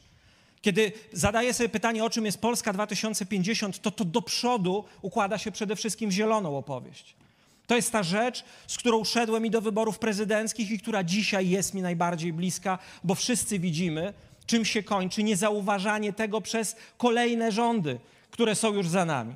Dlatego mówimy tak wyraźnie, że trzeba odejść od PiSu jak najszybciej, ale następny polski rząd nie może być grupą rekonstrukcyjną tego, co było przed 2015. Trzeba odważnie pójść z transformacją energetyczną, sprawiedliwą. Trzeba odblokować polski wiatr, energię z polskiego słońca, zastanowić się, czy zbilansujemy to bez atomu, czy nie robimy tego. Ale to jest dzisiaj kwestia naszego życia, naszego jedzenia, naszej szkoły, naszego wszystkiego, co nas otacza, naszego bezpieczeństwa i widzimy to bardzo wyraźnie. To często się mówi, że e, e, jak jesteś bogaty, to jeździsz samochodem. E, W rozwiniętych krajach jest dokładnie odwrotnie. To biedni jeżdżą samochodami, a bogaci jeżdżą koleją. I powinniśmy dzisiaj iść w stronę, w którą nie idziemy konsekwentnie od bardzo wielu lat. A czasu mamy coraz mniej i dobrze o tym wiecie. Polska może być neutralna klimatycznie do 2050 roku. Czy jakby ile uważa pan, że powinno być list wyborczych e, ze strony opozycji i czy Polska 2050 planowałaby ewentualnie alians z jakimś konkretnym ugrupowaniem politycznym? Dziękuję. Dziękuję. Myśmy stoczyli, jak wiecie, publicystyczną, długą batalię na temat tego, ile powinno być list. Ona była e, niezwykle żywa, dynamiczna e, i skończyła się tym, czym zwykle kończą się takie debaty prowadzone zbyt wcześnie, czyli niczym. E, w, ja jestem przekonany, że ta decyzja jest przed nami w ciągu najbliższych kilku miesięcy. Z konstrukcją taki, taktyki przedwyborczej trzeba trafić w moment. Dlatego policzyliśmy to na wszystkie strony. E, I przy tych, e, przy tych e, warunkach, które są dzisiaj, przy takim PiSie, przy takiej platformie, przy, takim, przy takich naszych notowaniach, w naszej ocenie mm, trzeba będzie się skłaniać ku wariantowi dwóch list. On jest w tej chwili, mówię to niezależnie od tego, co ja bym chciał albo nie chciał, mamy tak rozdane karty, to jest wariant, który daje najwięcej mandatów, po prostu. I największą szansę pokonania PiSu i najmniejsze ryzyko spadku frekwencji w czasie wyborów. Mm, kwestia, problem, który teraz bardzo trapi Polaków, czyli inflacja. Inflacja najwyższa od 25 lat. Zewsząd słyszymy takie głosy populistyczne, e, głosy niezwykle mnie martwiące. No i do panów mam pytanie, czy według panów wprowadzanie 14 emerytury, dodatku węglowego 3000 złotych, wakacji kredytowych to jest e, dobry sposób e, na zwalczenie tej inflacji? Czy może mają panowie jeszcze jakieś inne pomysły? Rafał, proszę Rafał? bardzo. Po pie- No ja już byłem. Dobrze, słuchajcie, po pierwsze tak. Po pierwsze zobaczcie, że inflacja rzeczywiście szaleje w całej Europie, ale jakimś cudem ona jest najwyższa w Polsce poza Bułgarią i krajami bałtyckimi. I to też pokazuje, co się dzisiaj w Polsce dzieje. Przede wszystkim całkowicie uzależniony bank centralny, który wykonuje polecenia polityków i który przez cały czas ignoruje prawdziwe zagrożenia. I to, co najważniejsze, jeżeli mówimy o niezależnych instytucjach, to dlatego niezależne instytucje są tak niesłychanie istotne, żeby one były niezależne od polityków, żeby prowadziły racjonalną politykę. Jeżeli chodzi o kwestie dotyczące tego, w jaki sposób pomagać, to dzisiaj, w dzisiejszej sytuacji, po pandemii, w czasie wojny, to, że trzeba ludziom pomagać, to nie jest kwestia ideologii, lewicy czy prawicy, tylko tak naprawdę jest to po prostu kwestia przyzwoitości. I to jest jasne, że ludziom trzeba pomagać. I my mówimy o tym dobitnie, że te programy socjalne, które zostały wprowadzone, one będą utrzymane. I to jest jasne i to musi wybrzmieć w każdej tego typu debacie. Natomiast problem polega na tym, że dzisiaj, dzisiejsza władza się przede wszystkim chce uwłaszczyć na państwie. I nawet jeżeli miała pomysł na to, w jaki sposób niwelować różnice, no to po prostu kompletnie z tego zrezygnowała. I dzisiaj zastanawia się nad tym, jak poprawić byt rodzin pisowskich notabli i samych pisowskich notabli. Natomiast my się musimy zastanawiać, w jaki sposób pomagać ludziom w sposób najbardziej skuteczny. I to jest dzisiaj najbardziej istotne. Jeżeli mówimy o Was, o młodym pokoleniu, to Wy nam powinniście powiedzieć, co powinniśmy robić, ale przecież wiadomo, że to jest przede wszystkim kwestia mieszkalnictwa. To jest budowanie, tak jak robimy w Warszawie na tyle, ile możemy, mimo że w tej chwili zabierają nam kolejne miliardy mieszkań na tani wynajem. To jest pomaganie w e, dawaniu ludziom instrumentów do tego, żeby radzili sobie w trudnej sytuacji. Ale oczywiście też, tak jak mówiliśmy od samego początku, pewne transfery socjalne nie dość, że pomogły ludziom wyjść z trudnej sytuacji, to też przywracały im godność. Natomiast jedno chcę jasno Wam powiedzieć. Ta kampania na pewno nie powinna być wyścigiem na obietnicę, kto da więcej. To kompletnie nie powinno polegać e, na tym, dlatego że to jest droga donikąd. Było konkretne pytanie o inflację. y, W, wiemy, dlaczego ona w Polsce tak wygląda, jak wygląda. To znaczy, to po prostu jest podejście pisowskie do państwa jako do dru- takiego z jednej strony bankomatu i wpłatomatu, że wpłacasz, a Kaczyński rozdaje piny i możesz sobie wyciągać ci, którym rozda piny. A z drugiej strony, że na każdy problem najlepsza jest drukarka. Postawić drukarkę, dodrukować pieniądze, zrzucić ludziom z helikoptera, będzie cisza i spokój. I to jest ich po prostu stara metoda, zawsze jej używają. Drukarka, helikopter, zrzucamy i święty spokój. E, w, to oni nas wpędzili w tego rodzaju, w, w, tej wysokości inflacji. Co dzisiaj należałoby zrobić? Bo wiecie, możemy sobie ponarzekać, jeszcze to nic nie kosztuje, możemy ich rozliczyć i rozliczymy. E, Trzeba będzie niektórych postawić przed Trybunałem Stanu. Jedni chcieli wyprowadzać e, w, Glapińskiego, jego przy, tam w kajdankach, czy go aresztować. Jego trzeba przed Trybunałem Stanu postawić po prostu, za to, co zrobił. w polskiej gospodarce. I dzisiaj trzeba jak najszybciej, jak najszybciej zakończyć ten idiotyczny spór, który tak naprawdę nie powinien być żadnym sporem z Brukselą, odblokować środki z KPO. To są pieniądze, które zadziałałyby tam, gdzie powinny, czyli w inwestycjach, czyli w utrzymaniu miejsc pracy, czyli w y, powstrzymaniu, nawet samo przewalutowanie już miałoby wpływ y, y, na to, jak, wyglądałby, jak wyglądałaby inflacja o procent, półtora procent. Dzisiaj, jeżeli, i, i to jest pierwsza rzecz, którą trzeba zrobić, natychmiast. Druga rzecz, to jest to pytanie o w, transfery socjalne. Te dyskusje mogliśmy toczyć, jak było dobrze. Dzisiaj, kiedy jest źle, trzeba ratować ludzi. Ludziom coraz bardziej przestaną się spinać budżety. Oni potrzebują tych pieniędzy. Oni potrzebują, żeby zapłacić za jedzenie, oni potrzebują, żeby zapłacić za, nie wiem, za, za rachunek za gaz czy za prąd. Y, Bez tego będzie im strasznie trudno. Czy wprowadzać nowe elementy? Ja uważam, że jeżeli wprowadzać takie, jak choćby ta dopłata, e, która teraz jest do źródeł e, ciepła, to ona powinna być sprawiedliwa. Trzeba ją wprowadzić, bo rząd przespał inne możliwości załatwiania tego problemu i dzisiaj jesteśmy w punkcie B, w którym trzeba to zrobić. Tylko to nie może być tak, że gość, który ma pałacyk i ma po prostu hajsu potąd dostanie i nie wiadomo na co wyda i człowiek, któremu i tak nie starczy, nawet z tą dopłatą, bo na sezon kosztuje to 15 tysięcy, a on dostanie 3, w, będzie się zastanawiał, jak przeżyć kolejny miesiąc. Ja bym zostawił te transfery socjalne, o nich będzie czas rozmawiać kiedyś, hen, jak wyjdziemy na prostą, zastanowić się, jak je uracjonalnić, zrobić. 500 plus jestem wielkim zwolennikiem tego programu. 13 emerytura tak była potrzebna w tym systemie emerytalnym. W, o kolejnych rzeczach możemy dyskutować, ale teraz ludzie, trzeba to zostawić, ludzie muszą przetrwać trudny czas. My chcemy obniżyć wiek wyborczy, wiek głosowania do 16 roku życia. Dlaczego chcemy to zrobić? Dlatego, że społeczeństwo się starzeje. I w każdych kolejnych wyborach starsza grupa ma nieporównanie większy wpływ na rzeczywistość niż grupa młodsza, która będzie, jak mówię, żyła ze skutkami decyzji podejmowanych przez grupę starszą. I żeby wyrównać to choć trochę, wyrównać te szanse międzypokoleniowe, chcemy obniżyć ten wiek do 16 roku życia. Oczywiście, jak będzie moment konstytucyjny, jak będzie można to zrobić. Ale ja bym chciała przed wyborami, żeby Państwo mm, dali jasną deklarację i jasną swoją konkretne zdanie dotyczące aborcji oraz praw kobiet w Polsce. Dziękuję. Ja czy... Nasze zdanie w tej sprawie jako ruchu Polska 2050 jest jasne i wielokrotnie wyrażałem, ono się nie zmieniło. Do naszego ruchu, tak jak powiedziałem, przyszli ludzie z y, różnym światopoglądem.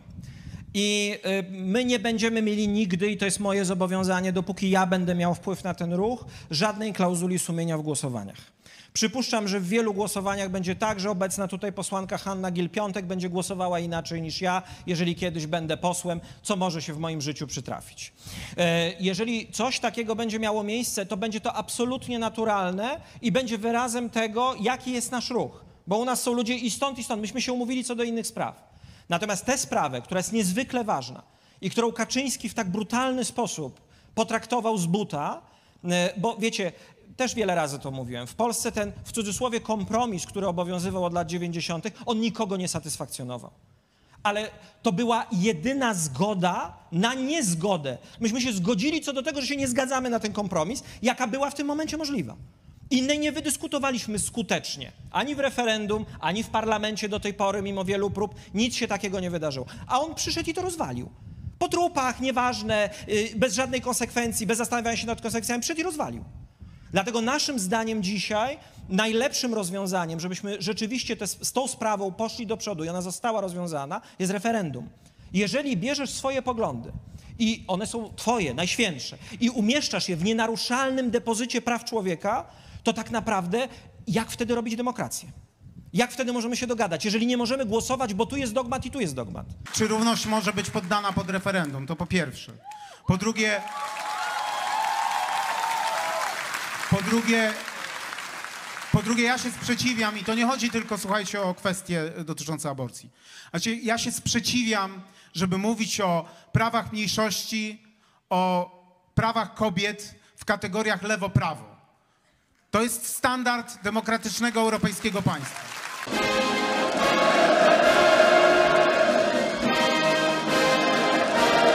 Ja sobie nie wyobrażam trudniejszej decyzji, jaką można podjąć. I ta decyzja musi należeć do kobiety. Kropka. Powiem więcej.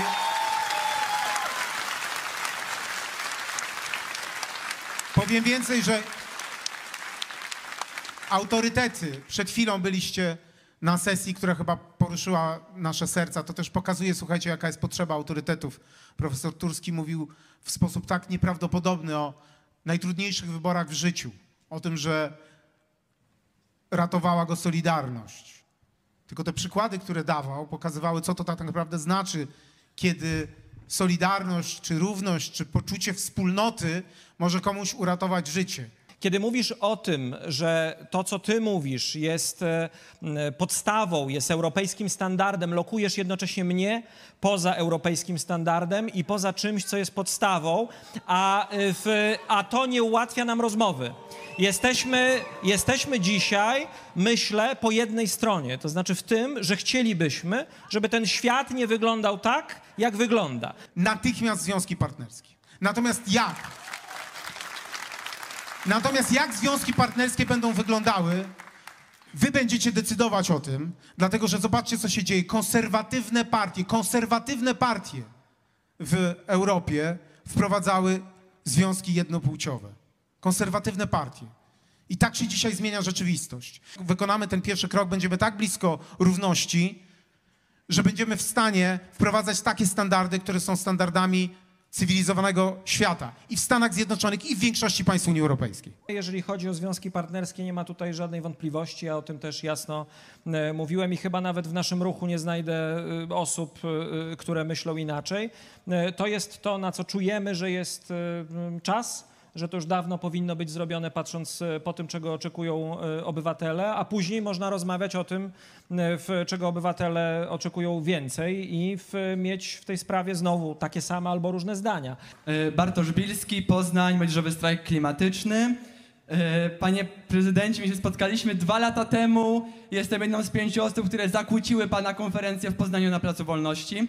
Ja mam do obu panów bardzo szybkie pytanie. Neutralność klimatyczna, konkretna data, cztery cyfry, zero rozwodzenia się. I do tłumu jedna rzecz. 23 września tego roku Młodzieżowy strajk klimatyczny wychodzi na ulicę.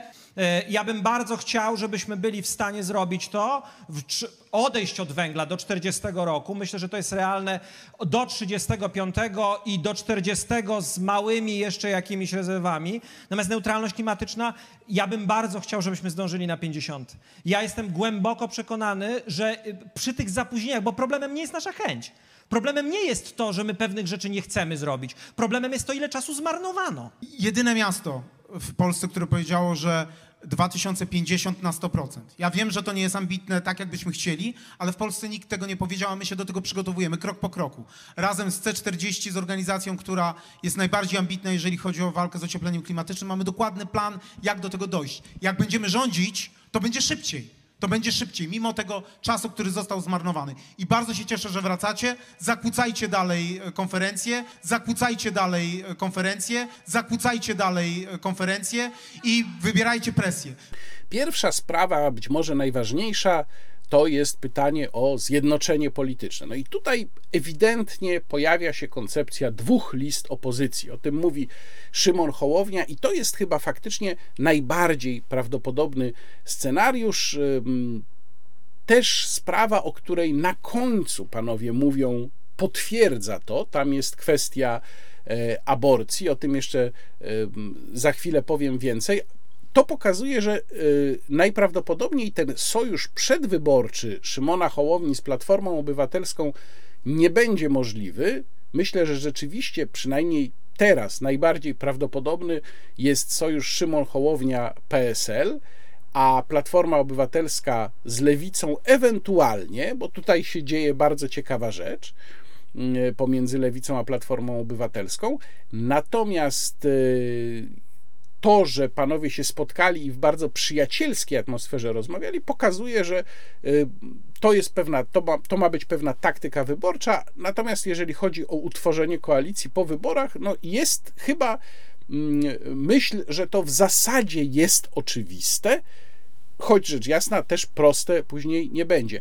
Dlaczego mówię o tym, że ciekawa gra się rozgrywa pomiędzy Platformą Obywatelską a Lewicą? Bo jak się przeanalizuje ruch Platformy Obywatelskiej w ciągu ostatnich kilku miesięcy, i tu znów nawiązuje też do deklaracji Donalda Tuska dotyczących mm, aborcji, które padły na kampusie Polska, a o których dokładnie powiem Państwu za moment, e, no to widać, że Platforma bardzo mocno już w tym momencie dociska e, lewicę do ściany. No to jest ewidentnie wojna o ten sam e, elektorat. Wojna, którą chyba w moim odczuciu Platforma Obywatelska mm, w tej chwili wygrywa.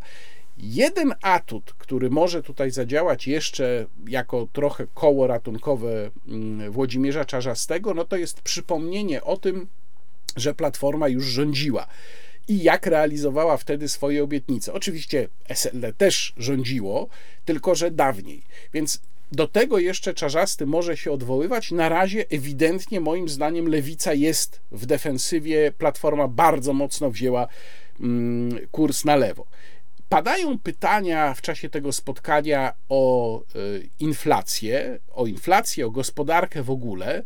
Y, I tutaj nie ma właściwie żadnej y, dobrej odpowiedzi, bo widać, że ani Platforma, ani Szymon Hołownia nie mają po prostu pomysłu, a na pewno nie mają pomysłu wolnorynkowego na gospodarkę. Mówią, że ma być niezależny bank centralny. No dobra, ale co niezależny bank centralny zmieni w tej sytuacji? To, co się stało, już się stało. To znaczy, mm, Rada Polityki Pieniężnej, która przypominam, przecież nie jest ciałem mm, y, jednoosobowym, czyli no, no, nie odpowiada za kwestie stóp procentowych wyłącznie szef NBP, chociaż z urzędu jest rzeczywiście przewodniczącym Rady Polityki Pieniężnej. Więc to, że stopy procentowe nie były podwyższane y, w odpowiednim momencie, i skutkiem tego inflacja nam wystrzeliła tak, jak wystrzeliła, no to nie była tylko wina Adama Glapińskiego.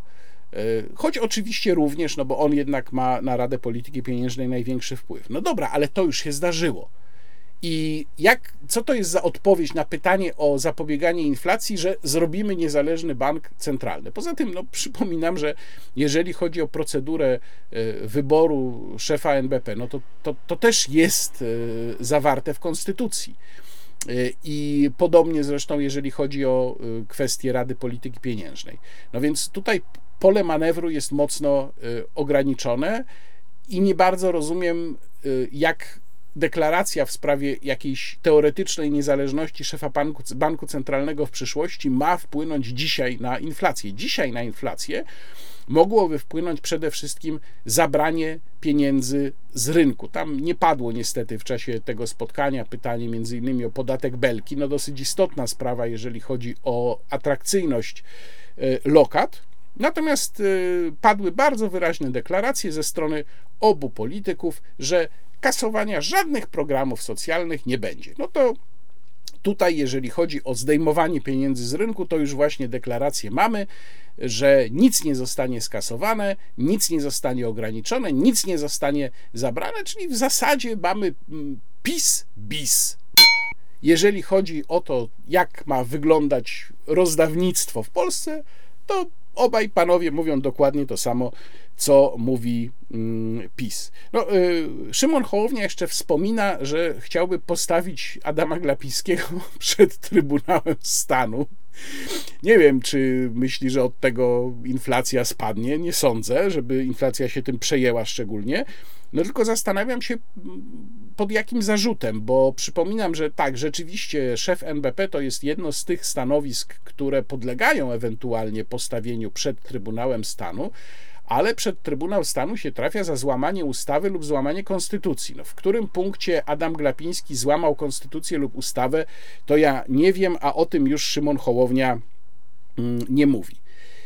Co jeszcze ciekawego w tym fragmencie? Szymon Hołownia powtarza swój absurdalny pomysł o obniżeniu czynnego wieku wyborczego do 16 y, roku życia. Rzeczywiście wspomina, że no to będzie możliwe, jak będzie moment konstytucyjny, bo przecież czynny wiek wyborczy jest zapisany w konstytucji, więc nie można tego zrobić zwykłą ustawą. No i podaje tu uzasadnienie, to znaczy mówi, że społeczeństwo się starzeje, więc trzeba to wyrównać poprzez umożliwienie młodym głosowania, żeby ci starsi, których będzie coraz więcej, nie mieli decydującego głosu i nie decydowali o mm, w ponadproporcjonalnej e, liczbie o przyszłości. To jest, proszę Państwa, pomysł skrajnie głupi. Sama ta dyskusja zresztą pokazuje dlaczego. Ja rozumiem z powodów czysto politycznych, po co Szymon Hołownia to mówi. Szymon Hołownia po prostu podlizuje się swojemu elektoratowi. Ten elektorat siedział tam na widowni i to był elektorat w wieku, no pewnie w większości powyżej 18 lat, ale um, po, młody generalnie, więc no to, to pochlebia, prawda, że to o, to chce z nas zrobić wyborców. Tylko jednocześnie y, sam poziom pytań, które tam były zadawane, e, w szczególności ten pan z młodzieżowego strajku klimatycznego, to pokazuje jedną zasadniczą rzecz. Po co w ogóle jest e, granica czynnego wieku wyborczego i ona jest ustawiona mm, na 18 latach, czyli na momencie, kiedy człowiek zyskuje e, pełną możliwość do czynności prawnych. No to się wiąże z wymogiem osiągnięcia pewnej umysłowej dojrzałości. I tak uważam, że ta granica tak naprawdę postawiona jest zbyt nisko, a nie zbyt wysoko. Tak naprawdę można by się zastanawiać, czy ona nie powinna być na przykład na poziomie 21 lat, bo generalnie rzecz biorąc, e, życie publiczne uległo dramatycznej infantylizacji i to widać właśnie w takich imprezach jak chociażby młodzieżowy strajk klimatyczny, który jest imprezą bardzo szkodliwą i bardzo infantylną. I tutaj już nawiązuje do wypowiedzi tego człowieka, który powiedział, że a 23 młodzieżowy strajk klimatyczny na ulicach. No, przepraszam, ale tak mówiąc wprost, jest to po prostu gównażeria, która stawia bardzo wygórowane żądania, które miałyby gigantyczny wpływ na całą naszą rzeczywistość, na naszą gospodarkę, na naszą zamożność, na nasz poziom życia i jednocześnie deklaruje, że kompletnie nie interesuje ich, jak to będzie zrobione, to ma być zrobione, bo planeta się spali. Więc jeżeli to są przedstawiciele pokolenia, mm, młodego pokolenia, to naprawdę miej nas, Panie Boże, w swojej opiece. I teraz Szymon Hołownia wychodzi i mówi, że on by jeszcze chciał ten wiek wyborczy czynny obniżyć. Czyli w warunkach, kiedy nawet ludzie mający te 18 lat są umysłowo tak infantylni i tak bardzo poddają się emocjom, to są te dwie rzeczy, które niszczą życie publiczne dzisiaj: infantylizacja i emocjonalizacja, jeżeli mogę takiego słowa użyć to mielibyśmy sytuację jeszcze gorszą. To mielibyśmy ludzi, którzy mają jeszcze mniejszą dojrzałość życiową, a już mieliby prawo wyboru. Więc ten postulat, który pojawił się już wcześniej, nie pojawia się tutaj po raz pierwszy Szymona Hołowni, postulat o obniżeniu czynnego wieku wyborczego, no jest to rzecz jasna najczystszy, absolutnie najczystszy populizm. E, no i wreszcie kwestia aborcji ważna sprawa, ważna sprawa emocjonalnie, bo tak naprawdę, jak się spojrzy na sytuację Polski, to autentyczna waga tej sprawy jest gdzieś daleko, daleko. Nie jest tutaj e, prawdą, że to jest kwestia, która decyduje na temat tego, czy ludzie chcą mieć dzieci, czy nie chcą mieć dzieci. Nie, no to jest bzdura. To jest, podejrzewam, nie, nie, widziałem takich badań, chyba nikt nie widział, ale podejrzewam, że to jest sprawa, która jest gdzieś tam na, nie wiem, dziesiątym miejscu, jeżeli się podejmuje decyzję o założeniu rodziny. Natomiast tutaj pojawiła się ciekawa jednak różnica pomiędzy panami, bo Szymon Hołownia, który jest takim no, nowoczesnym, koncesjonowanym katolikiem, ale jednak katolikiem, y, proszę zauważyć, bo to jest też bardzo ciekawe. On unikał wyraźnie stwierdzenia, jakie ma w tej sprawie stanowisko, jako on. Cały czas owijał to w bawełnę i tak obchodził, mo, mówił moje stanowisko, mój pogląd w tej sprawie, e, zostałbym przegłosowany w referendum, ale w żadnym momencie nie powiedział, jaki ma pogląd, a nie powiedział dlatego, że przecież doskonale zdawał sobie sprawę, do jakiej publiczności, z jakim nastawieniem mówi. Zresztą pokazał to bardzo dobrze moment, nie wiem czy Państwo to wychwycili, kiedy y, Szymon Hołownia mówi rzecz rozsądną do Rafała Trzaskowskiego, czyli mówi: nie umieszczaj tej sprawy, sprawy dopuszczalności aborcji, nie umieszczaj w katalogu praw człowieka, bo w ten sposób powodujesz, że uniemożliwiona jest dyskusja. No bo jeżeli ktoś ma inne zdanie, to tym samym sprzeciwia się prawu człowieka. I w tym momencie rozlegają się na widowni gwizdy. Kiedy mówisz o tym, że to, co ty mówisz, jest e, podstawą, jest europejskim standardem, lokujesz jednocześnie mnie poza europejskim standardem i poza czymś, co jest podstawą, a, e, w, a to nie ułatwia nam rozmowy. Jesteśmy, jesteśmy dzisiaj. My... Co pokazuje, jakie było nastawienie tej widowni do tego typu poglądu, który przecież nawet trudno nazwać poglądem konserwatywnym.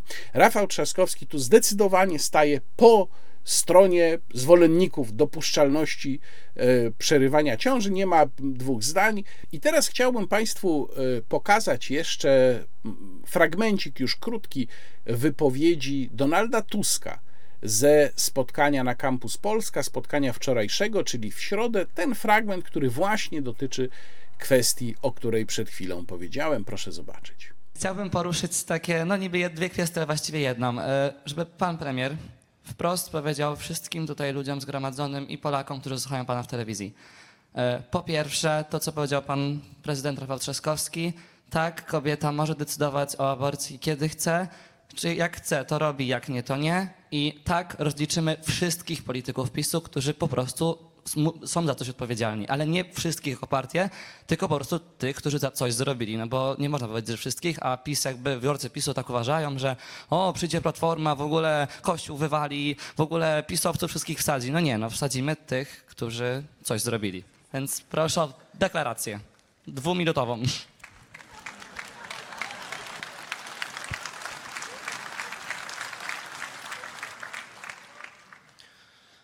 Aborcja decyzją kobiety, a nie księdza, prokuratura, policjanta czy działacza partyjnego.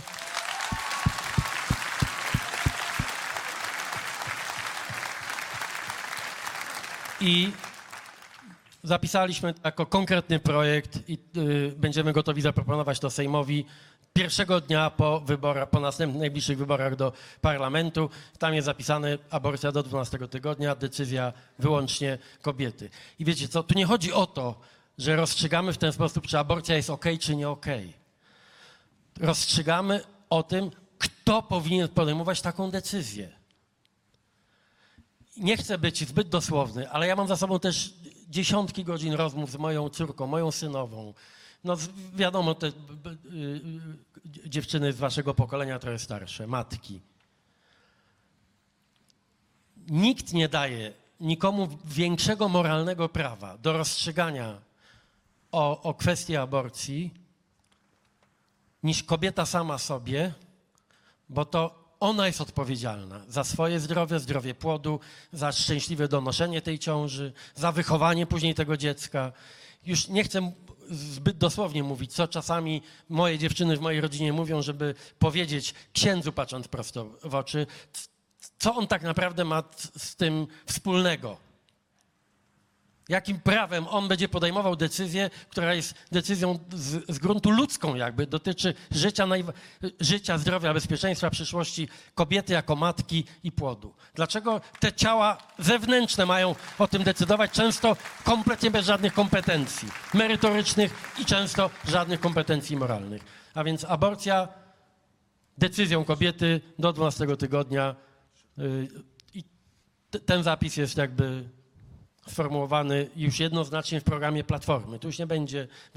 Ja- powiem tak, żeby nie było wątpliwości, bo ktoś powie i słusznie, że trochę długo to trwało.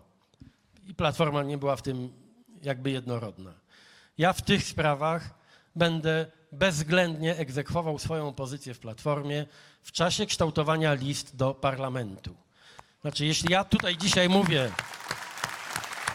że my gwarantujemy kobietom podejmowanie tej decyzji, to nie będę chciał się później wstydzić, dlatego że ktoś będzie reprezentował inne zdanie, będąc z naszych list. Znaczy to macie zagwarantowane. Tutaj mamy już bardzo stanowczą deklarację, która w zasadzie można powiedzieć jest wisienką na torcie, jeżeli chodzi o migrację platformy na lewo. To już jest bardzo stanowcza, jednoznaczna deklaracja, bo Donald Tusk nie tylko mówi, jakie jest jego stanowisko, i mówi wprost o dopuszczalności aborcji na życzenie do trzeciego miesiąca życia, e, ale mm, w dodatku deklaruje, że ludzie, którzy się nie zgadzają z tym, nie znajdą się na listach platformy.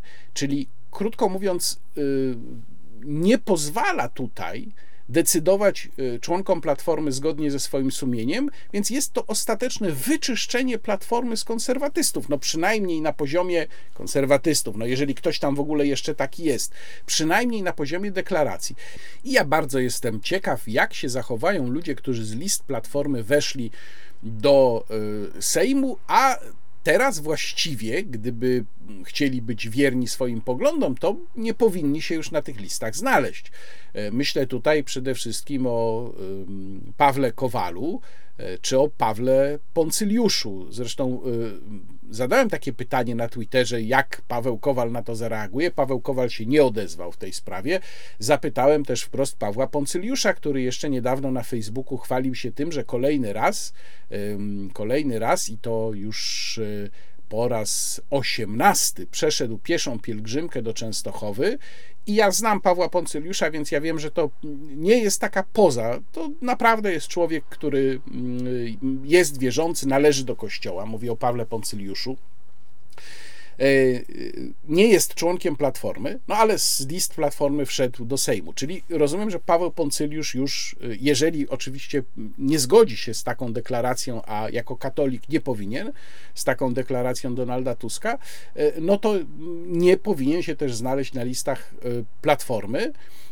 No i, i to jest jednak, mówię, bardzo ważne, bo to już jest pójście o krok dalej. Tutaj, jak powiedziałem, nie ma już miejsca na wolność sumienia. To bardzo wyraźnie Donald Tusk deklaruje. Ale chciałbym tutaj jeszcze zwrócić uwagę na jedną rzecz, bo mm, Szymon Hołownia, Rafał Trzaskowski bardzo się wiją w odpowiedzi na to pytanie. Znaczy, oni próbują przedstawić ten problem. Szymon Hołownia przedstawia go w ten sposób, że no, w demokracji to jest sprawa, którą y, trzeba przegłosować i nawet jak się komuś nie podoba, no ale to jest wspólnota, głosujemy. Y, Rafał Trzaskowski z kolei mówi, że to właśnie prawa człowieka i że to jest taka trudna decyzja i podkreśla to wielokrotnie. Ja chciałbym Państwu wyjaśnić jedną zasadniczą rzecz, pokazując, dlaczego w tej sprawie pomiędzy stanowiskiem konserwatystów a powiedzmy progresistów, jeżeli mogę tak nazwać obu panów łącznie, nie ma zgody i być zgody nie może. I to jest taka dosyć, to jest dosyć proste uwarunkowanie, którego y, nikt tam na tej widowni prawdopodobnie nie bierze pod uwagę.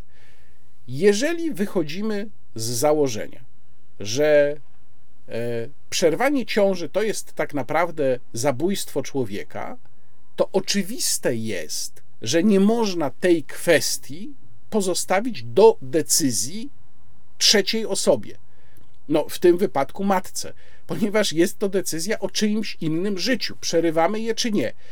Ja teraz podkreślam, tłumaczę stanowisko osób, które mają na to pogląd integralny. Więc z ich punktu widzenia nie ma tu możliwości wycofania się. Nie można zrobić kroku do tyłu, bo mówimy po prostu o zabójstwie. No skoro tak, no to, to nie ma tutaj miejsca na manewr. I to jest ten czynnik, którego Rafał Trzaskowski czy Szymon Hołownia nie uwzględniają, celowo zresztą. Natomiast wywód Rafała Trzaskowskiego o tym, że to tam ksiądz decyduje, dlaczego ksiądz ma decydować, jest kompletnie bezsensowny. No to jest demagogia, z której chyba sam Rafał Trzaskowski zdaje sobie sprawę, bo przecież tak naprawdę nie żaden ksiądz decyduje. Mówimy tu o stanowisku Kościoła, które wynika po prostu z jego integralnej filozofii i spojrzenia na ludzkie życie. To nie jest kwestia tego, że ksiądz sobie coś myśli, jeden czy drugi, albo jeden czy drugi biskup. To jest zupełnie inna sprawa i zupełnie inne uwarunkowanie. E, więc w tej kwestii widać po pierwsze różnicę, która chyba jednak będzie powodowała, że właśnie ta koncepcja dwóch list zwycięży. Jeżeli chodzi o Platformę Obywatelską i deklarację Donalda Tuska, widać bardzo jednoznaczne przesunięcie e, na lewo, zupełnie ostateczne moim zdaniem i chęć wyczyszczenia Platformy z konserwatystów, a zarazem przejęcia jak największej części elektoratu e, lewicy. No ciekawe jaka tutaj będzie odpowiedź Włodzimierza Czarzastego, bo na razie jej nie ma, ale chyba Włodzimierz Czarzasty po prostu dochodzi do wniosku, że y, jest jeszcze za wcześnie i jego niewielka partia nie będzie na razie wchodziła w kampanię wyborczą. Niech się tam, niech tam siły zużywają ci dwaj najwięksi. I teraz spójrzmy na to i w ogóle na kampus Polska mm, trochę szerzej.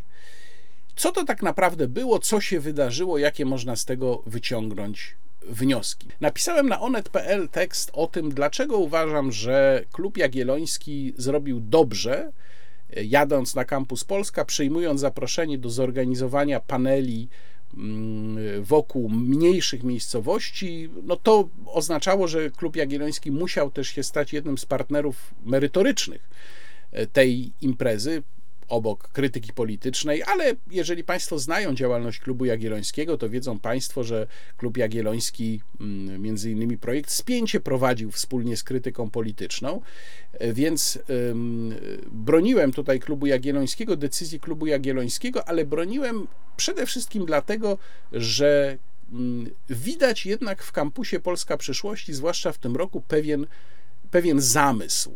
I teraz tak, można tę imprezę widzieć na kilku poziomach.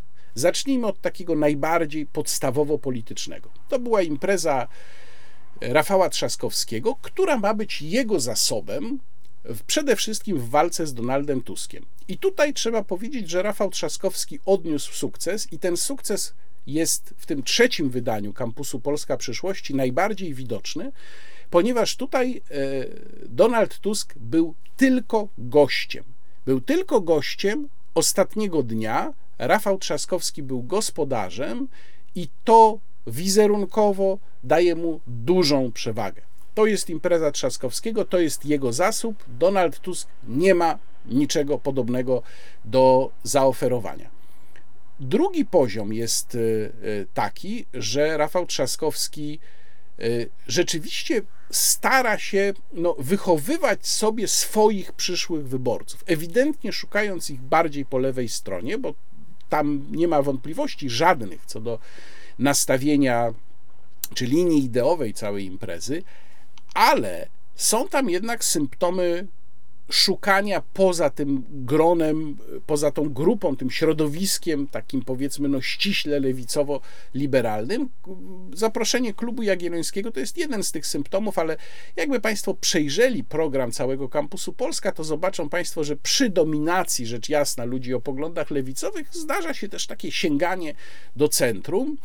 No i jeszcze jedna znacząca rzecz, y, jeżeli chodzi o to, kto tam się pojawił, na którą na pewno warto zwrócić uwagę, no to jest wizyta Marka Brzezińskiego, ambasadora Stanów Zjednoczonych, ale nie był to jedyny ambasador, który brał udział w tym kampusie, bo umknęło wszystkich właściwie, że była tam również, a nawet współprowadziła jeden z paneli pani Anna Clunes, czyli y, ambasador Wielkiej Brytanii. Więc było dwoje ambasadorów krajów, które PiS uważa za swoich politycznych sojuszników, no bo mm, administrację amerykańską z powodu wojny na Ukrainie PiS też uważa za takiego sojusznika, mimo że światopoglądowo się z nią nie zgadza, a tymczasem oni się pojawiają na imprezie Rafała Trzaskowskiego. To jest rzeczywiście znaczące. Ale wreszcie można też na Campus Polska spojrzeć na tle tego, co ma do zaproponowania oponent, co ma do zaproponowania polityczny przeciwnik. I wtedy zobaczymy, że przy wszystkich wadach kampusu Polska Przyszłości, przy całym jego nastawieniu politycznym, to jest oczywiście kompletnie nie moja bajka, to jednak kampus Polska Przyszłości próbuje robić coś więcej niż być tylko narzędziem w walce przeciwko Donaldowi Tuskowi, w walce Rafała Trzaskowskiego. To jest impreza której w pełni nie da się kontrolować. To znaczy, ta publiczność, która tam przychodzi, nie jest w pełni możliwa do kontrolowania. To pokazał ubiegły rok, kiedy doszło do sporu Leszka Balcerowicza z ludźmi z widowni na kampusie Polska Przyszłości. Ja zresztą wtedy brałem w obronę e, profesora e, Balcerowicza. On tam wszedł w spór z kimś też z młodzieżowego strajku klimatycznego, między innymi. Program jest rzeczywiście urozmaicony. Poza punktami czysto politycznymi, kręcącymi się tam właśnie wokół praw kobiet, mniejszości i tak dalej, bo tego też jest dużo, są też takie, które no, są ewidentnie merytoryczne. To chociażby ten dział właśnie, którym zajmował się mm, klub jagielloński. I no, jest w tym wszystkim e, jednak jakiś pomysł, jakiś szerszy pomysł.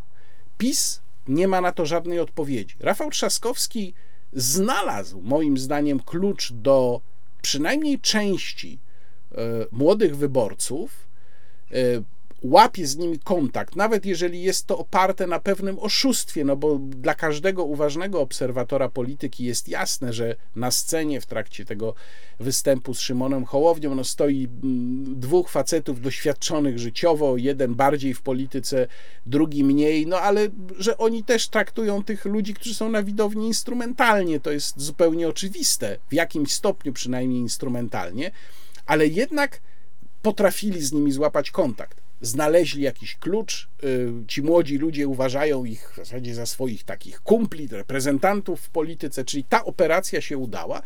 I teraz pytanie brzmi, a co ma do zaproponowania w odpowiedzi Prawo i Sprawiedliwość? Nic. Kompletnie nic. Czym Prawo i Sprawiedliwość miałoby zawojować tę część elektoratu? Czy, przepraszam za wyrażenie, z dziadziałym Jarosławem Kaczyńskim?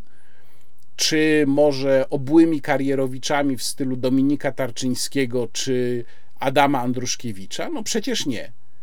Prawo i Sprawiedliwość kiedyś miało imprezę, która taką żywotnością intelektualną mogła spokojnie rywalizować i nawet powiedziałbym, połknęłaby dzisiejszy kampus Polska przyszłości. To był Kongres Polska Wielki Projekt, który nigdy nie był oczywiście skierowany do młodych ludzi, no ale też wtedy takiej potrzeby nie było, natomiast na pewno był miejscem bardzo żywej, ciekawej dyskusji e, przed przejęciem władzy przez PiS. Mówię to na podstawie własnego doświadczenia, bo bywałem na tych kongresach wielokrotnie i naprawdę było to ciekawe doświadczenie. No i to się skończyło. Wraz z przejęciem władzy przez PiS coraz bardziej kongres robił się po prostu przybudówką partyjną, na której brylowali zaprzyjaźnieni profesorowie. Dzisiaj to już jest impreza kompletnie bez znaczenia, mm, nawet jeżeli tam gdzieś na marginesach się pojawiają jakieś interesujące mm, koncepcje, to one i tak zupełnie nie są uwzględniane. PiS jest zajęty zupełnie czym innym, więc to jest cień dawnego kongresu Polska Wielki Projekt. Ale jak powiadam, to i tak nigdy nie była impreza skierowana do tego sektora elektoratu, do którego zwracają się, e, zwraca się Rafał Trzaskowski, no w wypadku tego skrótu, który Państwu pokazałem, wspólnie z Szymonem Hołownią. Więc PiS tutaj jest bezsilny. Tutaj widać jego kompletną reaktywność, brak pomysłu i rzeczywiście brak pomysłu przede wszystkim na kontakt z tą częścią wyborców. I w tym tkwi moja pretensja również do Prawa i Sprawiedliwości, bo to polityka Prawa i Sprawiedliwości spowodowała, że Rafał Trzaskowski ma tak ogromną publiczność dzisiaj na kampusie. PiS w dużej mierze wywołało swoją nachalną, prymitywną, natrętną polityką takiego wtłaczania sztampowego patriotyzmu młodym ludziom do głów, wywołało reakcję odwrotną. I to było do przewidzenia. Ja już przewidywałem, że tak będzie na początku rządów PiS. Mogą Państwo poszukać sobie moich tekstów na ten temat. Podawałem często przykład y, upaństwowienia kultu żołnierzy wyklętych jako jeden z takich najbardziej widocznych objawów tego, co PiS zrobił, no ale najnowszy rozdział to chyba jest afera wokół y, przedmiotu historia i teraźniejszość i podręcznika pana Y, profesora Wojciecha Roszkowskiego. I żeby było jasne, ja tutaj nie zamierzam y, profesora Roszkowskiego krytykować i nawet z wieloma diagnozami, które w tym podręczniku się pojawiają, pewnie bym się zgodził. Natomiast co do efektu politycznego całej tej sprawy, to jestem absolutnie przekonany, że to jest woda na młyn Trzaskowskiego. Trzaskowski tylko siedzi, zaciera ręce, cieszy się i ma nadzieję, że PiS dalej będzie tego podręcznika do hit bronił. PiS przegrał w ciągu tych siedmiu lat y, prawie całkowicie młodych wyborców. To, co y, w 2015 roku było jego atutem, że właśnie udało się PiSowi przekonać dużą część młodych wyborców, że to Tusk jest dziadem, czy jego partia jest partią dziadów politycznych, że oni są z przeszłości, że oni są obciachowi, że PiS jest fajny, kompletnie to w ciągu siedmiu lat przegrali i w tej chwili pozostało już im tylko patrzeć, jak tych wyborców będzie im podkradał Rafał Trzaskowski, a pewnie w jakiejś mierze również Konfederacja. A teraz zmieniamy temat i chciałbym Państwu mm, poopowiadać trochę o pewnych strategicznych obawach dotyczących wojny na Ukrainie, ale mm, zacznę od czegoś innego. Jak Państwo pamiętają, e, nie tak dawno Rada Języka Polskiego e, wystosowała, stworzyła stanowisko dotyczące użycia sformułowania na Ukrainie i w Ukrainie. No i w tym stanowisku znalazło się takie między innymi zdanie. Biorąc pod uwagę szczególną sytuację i szczególne odczucia naszych ukraińskich przyjaciół, którzy wyrażenia na Ukrainie, na Ukrainę często odbierają jako przejaw traktowania ich państwa jako niesuwerennego, no i tak dalej, i tak dalej. I ja zacząłem się zastanawiać, na jakiej podstawie Rada Języka Polskiego stwierdza, że takie, a nie inne są odczucia naszych ukraińskich przyjaciół? W związku z czym napisałem do Rady Języka Polskiego z prośbą o odpowiedź na pytanie, na jakiej podstawie sformułowała ten pogląd, że nasi ukraińscy przyjaciele tak, a nie inaczej widzą te kwestie, czy być może jest to poparte jakimiś badaniami, czy może jakimiś innymi danymi. No i otrzymałem e, odpowiedź e, od pani doktor habilitowanej Katarzyny mm, Kłosińskiej, przewodniczącej Rady Języka Polskiego przy prezydium Polskiej Akademii Nauk i pani e, doktor Kłosińska pisze tak. Szanowny panie redaktorze, Rada Języka Polskiego nie opiera swoich opinii na badaniach opinii społecznej. Nie prowadziliśmy też takich badań w społeczności ukraińskiej w Polsce. Podstawy opinii Rady to analizy językoznawcze oraz obserwacja zmian w użyciu języka na podstawie korpusów. O tym, jak złudna jest obserwacja na podstawie korpusu języka polskiego, mówiłem analizując wcześniej w jednym z wcześniejszych wideoblogów właśnie stanowisko Rady Języka Polskiego, bo w ramach korpusu widać, jak często pojawia się dane sformułowanie w mediach, tylko że to media narzucają normalnym użytkownikom języka przyjęcie pewnych sformułowań, więc to, że dane sformułowanie pojawia się w mediach stosunkowo często, nie oznacza, że ono pojawia się w normalnym języku i że w naturalny sposób zostało zaakceptowane.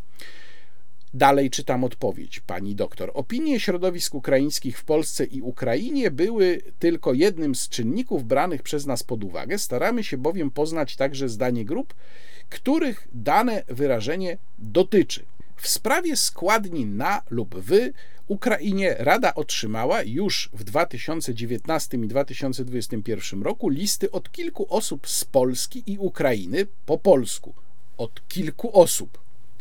Autorzy większości z tych listów apelowali o uznanie poprawności składni w Ukrainie, choć były i głosy broniące formy tradycyjnej. W ostatniej opinii z 25 lipca wskazujemy, że oba połączenia składniowe są poprawne zachęcamy jedynie do okazania w tym szczególnym czasie empatii wobec Ukraińców, którzy składnie na Ukrainie traktują jak język Putina. Nie rozumiem zupełnie, dlaczego pani doktor uważa, że e, dziwaczne z punktu widzenia polszczyzny e, połączenie w Ukrainie ma być empatyczne, a na Ukrainie nie. I skoro sama twierdzi, że Rada nie prowadzi żadnych badań i na nich się nie opiera, to skąd wniosek, że Ukraińcy traktują składnie na Ukrainie jak język Putina? No, y, mamy zaprzeczenie poprzedniemu akapitowi, gdzie wyraźnie pada, że żadnych badań Rada Języka Polskiego nie prowadzi, więc skąd wie, jak Ukraińcy traktują wyrażenie na Ukrainie? I dalej pani doktor pisze tak. Pisząc o odczuciach ukraińskich przyjaciół, nie mamy na myśli oficjalnych stanowisk organizacji ukraińskich. Zwracamy uwagę na głosy słyszalne w przestrzeni medialnej. Porównaj na przykład artykuł Andrija Sawenicia z portalu Open Culture z roku 2012 lub demonstracja Julii Kriwicz z roku 2019. Mm, należy podkreślić, co czynią też autorzy przywoływanych artykułów, że konstrukcje w Ukrainie do Ukrainy mają umocowanie systemowe, to znaczy wpisują się w regułę składniową w do plus nazwa państwa oraz bogate tradycje w piśmiennictwie wieku XIX i wiekach wcześniejszych. Rada Języka Polskiego jest gotowa na debatę publiczną o zmianach w języku z zainteresowanymi dziennikarzami i ludźmi kultury.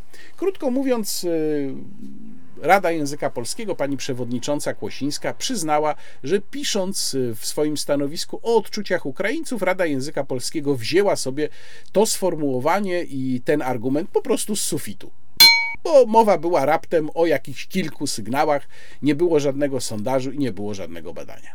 A skoro zaczęliśmy temat ukraiński, to teraz chciałbym Państwu powiedzieć trochę o mm, tekście, który ukazał się w najnowszym wydaniu do rzeczy. To jest y, mój dwugłos z Rafałem Ziemkiewiczem na temat y, wojny na Ukrainie po pół roku, z tym, że nie jest to podsumowanie tej wojny, przynajmniej nie z mojej strony.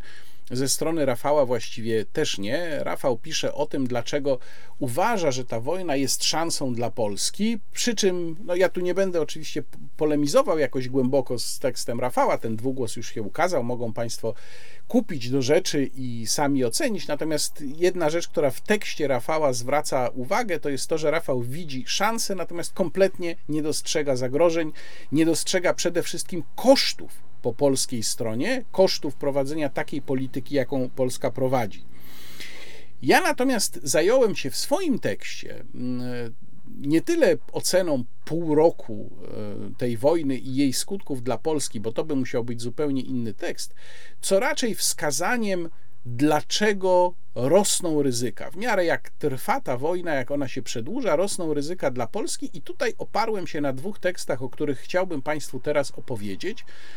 To jest y, po pierwsze tekst będący relacją ze spotkania dziennikarza Wall Street Journal z y, Henrym Kissingerem i drugi tekst to jest tekst y, Johna Mearsheimera w, na portalu Foreign Affairs. Tu zresztą warto zauważyć, że ta dyskusja, w, zwłaszcza w anglosaskiej sferze, dotycząca tego, jak postępować, jakie są racje po stronie sceptyków, po stronie entuzjastów, jeżeli chodzi o pomoc Ukrainie, ona trwa.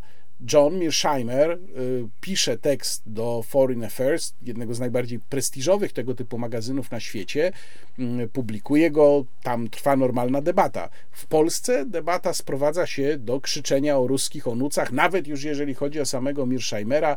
Zresztą napisałem o tym kilka tekstów po występie moim, ale przede wszystkim Pawła Lisickiego na e, urodzinach telewizji w Realu 24, który to występ e, był bardzo krytykowany przez różne osoby, między innymi Piotr Zaręba, taki niesamowicie emocjonalny e, i bardzo ad personam tekst napisał w plusie minusie w Rzeczpospolitej, dając tam upust różnym swoim idiosynkrazjom i, i frustracjom.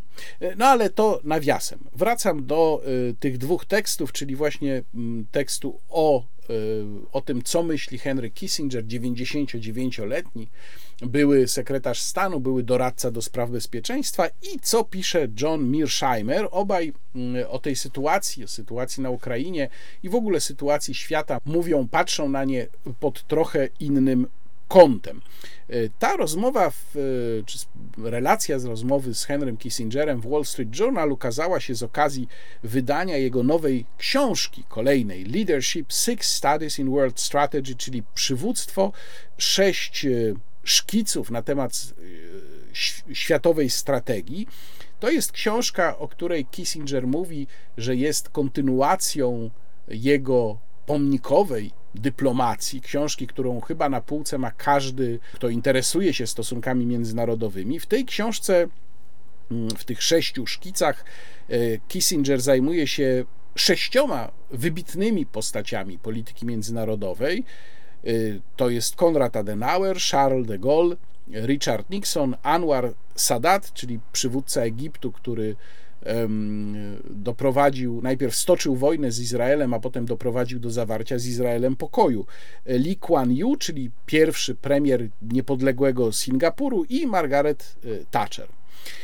Kissinger mm, diagnozuje w tym spotkaniu z dziennikarzem amerykańskiej gazety problem amerykańskiej dyplomacji, ale tak naprawdę to jest również problem polskiej dyplomacji, czy może raczej nie tyle dyplomacji, co opinii publicznej. Mianowicie stwierdza, że nastawienie opinii publicznej amerykańskiej, ale powiedziałbym tym bardziej polskiej, jest y, dzisiaj takie, że od dyplomacji swojego państwa nie oczekują tego, że ona skutecznie będzie negocjować z partnerem, albo przeciwnikiem, albo oponentem, tylko że będzie go raczej ewangelizować, że będzie go albo oceniać, y, ewentualnie ekskomunikować, albo będzie go właśnie ewangelizować. A to nie jest po prostu zadaniem dyplomacji.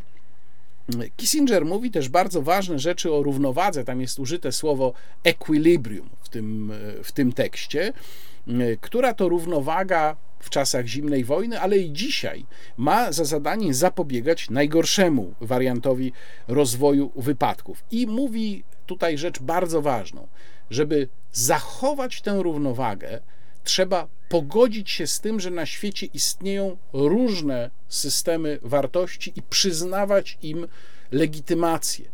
E, to jest oczywiście wyjście z Hobbesowskiej wizji stosunków międzynarodowych, w której jest e, punktem wyjściowym pewien bezład, i w tym bezładzie poruszają się państwa, które dopiero tworzą na podstawie wzajemnych układów, tworzą pewien porządek międzynarodowy. Natomiast ja chciałbym się tutaj odwołać do e, klasyka, absolutnego klasyka realistycznej teorii stosunków międzynarodowych, e, Hansa Morgentała, którego książka Polityka między narodami, walka o potęgę i pokój jest, no można powiedzieć, taką realistyczną Biblią i chyba pozostaje do dzisiaj najlepszą realistyczną analizą założeń e, stosunków międzynarodowych, polityki międzynarodowej.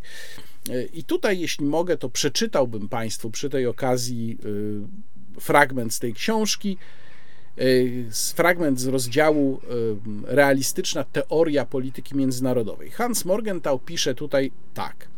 Realizm polityczny jest świadomy moralnego znaczenia działania politycznego. Jest również świadomy nieuniknionego napięcia pomiędzy nakazami moralnymi a wymogami skutecznego działania politycznego. Nie zamierza tuszować i zacierać owego napięcia, a tym samym przesłaniać istoty kwestii moralnych i politycznych, próbując przedstawiać brutalne fakty polityki jako bardziej zadowalające moralnie niż w rzeczywistości, zaś prawo moralne jako mniej wymagające. Realizm utrzymuje, że uniwersalnych zasad moralnych w ich abstrakcyjnych, ponadczasowych sformułowaniach nie można odnosić do działania państw, bowiem muszą one zostać przefiltrowane przez konkretne okoliczności czasu i miejsca. Jednostka może powiedzieć w swoim imieniu fiat justitia pereat mundus, czyli niech dzieje się sprawiedliwość, choćby świat miał zginąć, ale państwo nie ma prawa tak powiedzieć w imieniu tych, których ma w swej pieczy. To jest kluczowe, fundamentalne stwierdzenie, jeżeli chodzi o realistyczną teorię stosunków międzynarodowych. Mam wrażenie, że właśnie tej zasadzie przede wszystkim dzisiaj zaprzeczają członkowie partii wojny w Polsce. I dalej. Zarówno jednostka, jak i państwo muszą oceniać działanie polityczne za pomocą zasad moralnych, takich jak wolność jednostce wolno poświęcić się dla obrony takich zasad. Jednakże państwo nie może sobie pozwolić na to, by moralna dezaprobata dla naruszenia wolności stanęła na drodze skutecznego działania politycznego, które z kolei inspiruje moralna zasada przetrwania narodowego. Moralność polityczna jest nieodłączna od rozwagi czyli od rozważenia politycznych konsekwencji na pozór moralnych działań. Realizm uważa więc rozwagę, rozważanie konsekwencji alternatywnych działań politycznych za najwyższą cnotę polityczną. Abstrakcyjna etyka ocenia zgodność działania z prawem moralnym. Etyka polityczna ocenia działanie po jego politycznych konsekwencjach. I jeszcze jeden fragment, dosłownie kawałek dalej. Realizm polityczny odmawia utożsamiania moralnych aspiracji konkretnego narodu z uniwersalnymi prawami, które rządzą wszechświatem. Czyni rozróżnienie między prawdą i opinią, podobnie jak między prawdą i bałwochwalstwem. Wszystkie narody są wystawiane na pokusę, a niewiele umiało długo się jej opierać, by używać moralnych celów wszechświata jako przykrywki dla swoich partykularnych aspiracji i działań. Wiedzieć, że narody są poddane prawu moralnemu, to jedno, ale stwierdzić, że posiada się pewność, co jest dobre, a co złe w stosunkach między narodami, to zupełnie inna kwestia. Istnieje niezmierzona przepaść między wiarą w to, że wszystkie narody podlegają boskiemu osądowi, nieprzeniknionemu dla ludzkiego umysłu, a bluźnierczym przekonaniem, że Bóg jest zawsze po czyjejś stronie i że tego, czego my chcemy, chce też Bóg. Nie sposób moralnie obronić lekkomyślnego zrównywania partykularnego nacjonalizmu z wyrokami opatrzności, gdyż jest to ten sam grzech dumy, przed którym greccy dramatopisarze i biblijni prorocy ostrzegali rządzących i rządzonych. To zrównanie przynosi również zgubne skutki polityczne, ponieważ może prowadzić do wypaczeń, w wyniku których w wojowniczym szale niszczone są narody i cywilizacje w imię moralnych zasad, ideałów czy samego Boga. Z drugiej strony to właśnie koncepcja interesu, zdefiniowanego w kategorii potęgi, chroni nas od moralnej przesady i politycznej głupoty. Jeśli uznajemy wszystkie państwa, łącznie z naszym własnym, za jednostki polityczne realizujące własne interesy, zdefiniowane w kategoriach, w kategoriach potęgi, jesteśmy w stanie oddać im sprawiedliwość. Co więcej, jesteśmy w stanie oddać im tę sprawiedliwość w dwojakim sensie. Możemy oceniać inne państwa, tak jak oceniamy własne państwo, a następnie możemy realizować politykę, która respektuje interesy innych państw, służąc zarazem ochronie i realizacji naszych własnych interesów. Umiarkowanie w polityce musi odzwierciedlać umiarkowanie w osądach moralnych. Przypominam, polityka między narodami, walka o potęgę i Pokój, książka Hansa Morgentała, e, który zmarł w 1980 roku.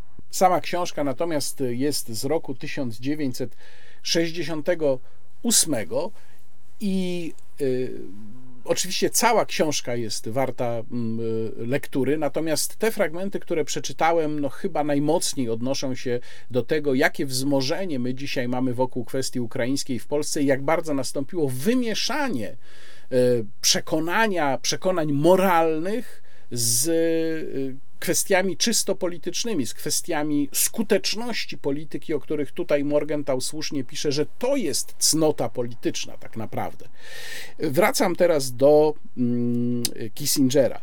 Kissinger stwierdza, że to współistnienie na y, równych zasadach, które pozwala zachować równowagę, czyli to equilibrium, mm, wymaga, jak powiedziałem, zaakceptowania i zalegitymizowania wartości, które czasem są przeciwne, choć przyznaję, że w pewnych okolicznościach to współistnienie po prostu już nie jest możliwe. Podaję tu jeden przykład, czyli podaję przykład y, hitlerowskich Niemiec.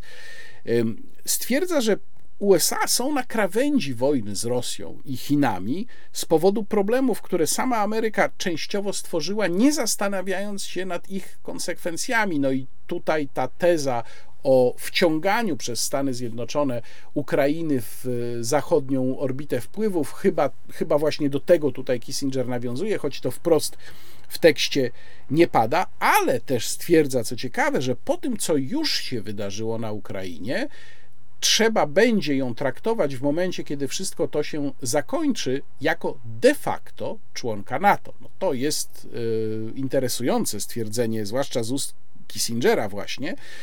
Natomiast y, twierdzi też, że jego zdaniem wszystko skończy się układem, w ramach którego Rosja zachowa jednak swoje zyski z 2014 roku. I to jest też interesujące w kontekście tego, co dzieje się na wschodzie Ukrainy, w kontekście tego, co dzieje się na Krymie, w kontekście powtarzających się ataków przecież ukraińskich na Krym I tu przechodzę płynnie do tekstu Johna Mearsheimera w Foreign Affairs, ponieważ John Mearsheimer przestrzega w tym tekście, który jest zatytułowany Playing with Fire in Ukraine, czyli igrając z ogniem na Ukrainie, przestrzega przede wszystkim przed niekontrolowaną eskalacją tej wojny. I tutaj właśnie ataki ukraińskie na Krym mają znaczenie.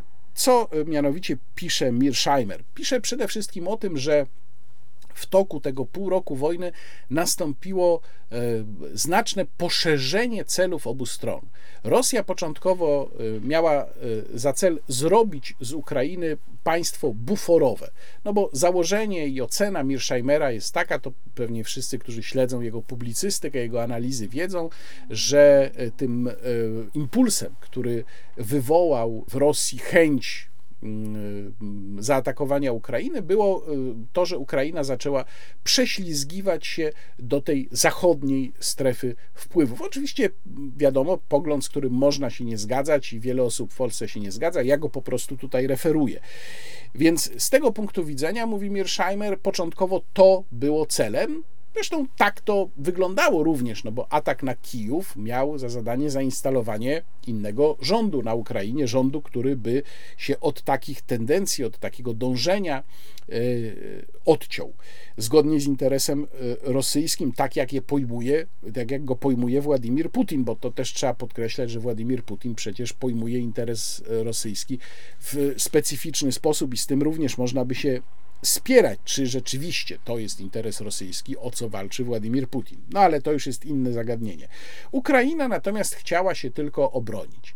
I teraz y, obie strony walczące swoje cele znacznie mm, poszerzyły. To znaczy, Rosja nie chce już tylko tego, chce zająć część Ukrainy, jak największą, i tam cały czas celem jest też odcięcie Ukrainy ostatecznie od Morza Czarnego. Natomiast celem Ukrainy jest y, odbicie jak największej części terytoriów, łącznie właśnie z tymi, które zostały zajęte w 2014 roku, czyli y, y, zamiast redukcji celów, to mamy ich poszerzenie. A poszerzenie celów z kolei sprzyja właśnie ryzyku, sprzyja powiększeniu się ryzyka. Im dłużej to trwa, e, pisze Mirsheimer, tym większe jest prawdopodobieństwo, że cała sprawa wymknie się spod kontroli. I tutaj Mirsheimer podaje trzy takie scenariusze, które mogą prowadzić do niekontrolowanej eskalacji. Pierwszy scenariusz to celowe wywołanie eskalacji przez jedną lub drugą stronę, aby zwyciężyć. Drugi scenariusz jedna lub obie strony wywołują eskalację celowo, aby zapobiec swojej przegranej. I wreszcie trzeci scenariusz to eskalacja będąca nie celową taktyką, ale skutkiem zbiegu okoliczności, a oto akurat bardzo łatwo w czasie mm, e, takiej wojny. Mirsheimer tam podaje przykład, wystarczy, że dojdzie do e, zderzenia myśliwca rosyjskiego i myśliwca natowskiego nad Bałtykiem, a wiadomo, że e, Rosjanie naruszają przestrzeń powietrzną państw NATO w zasadzie notorycznie.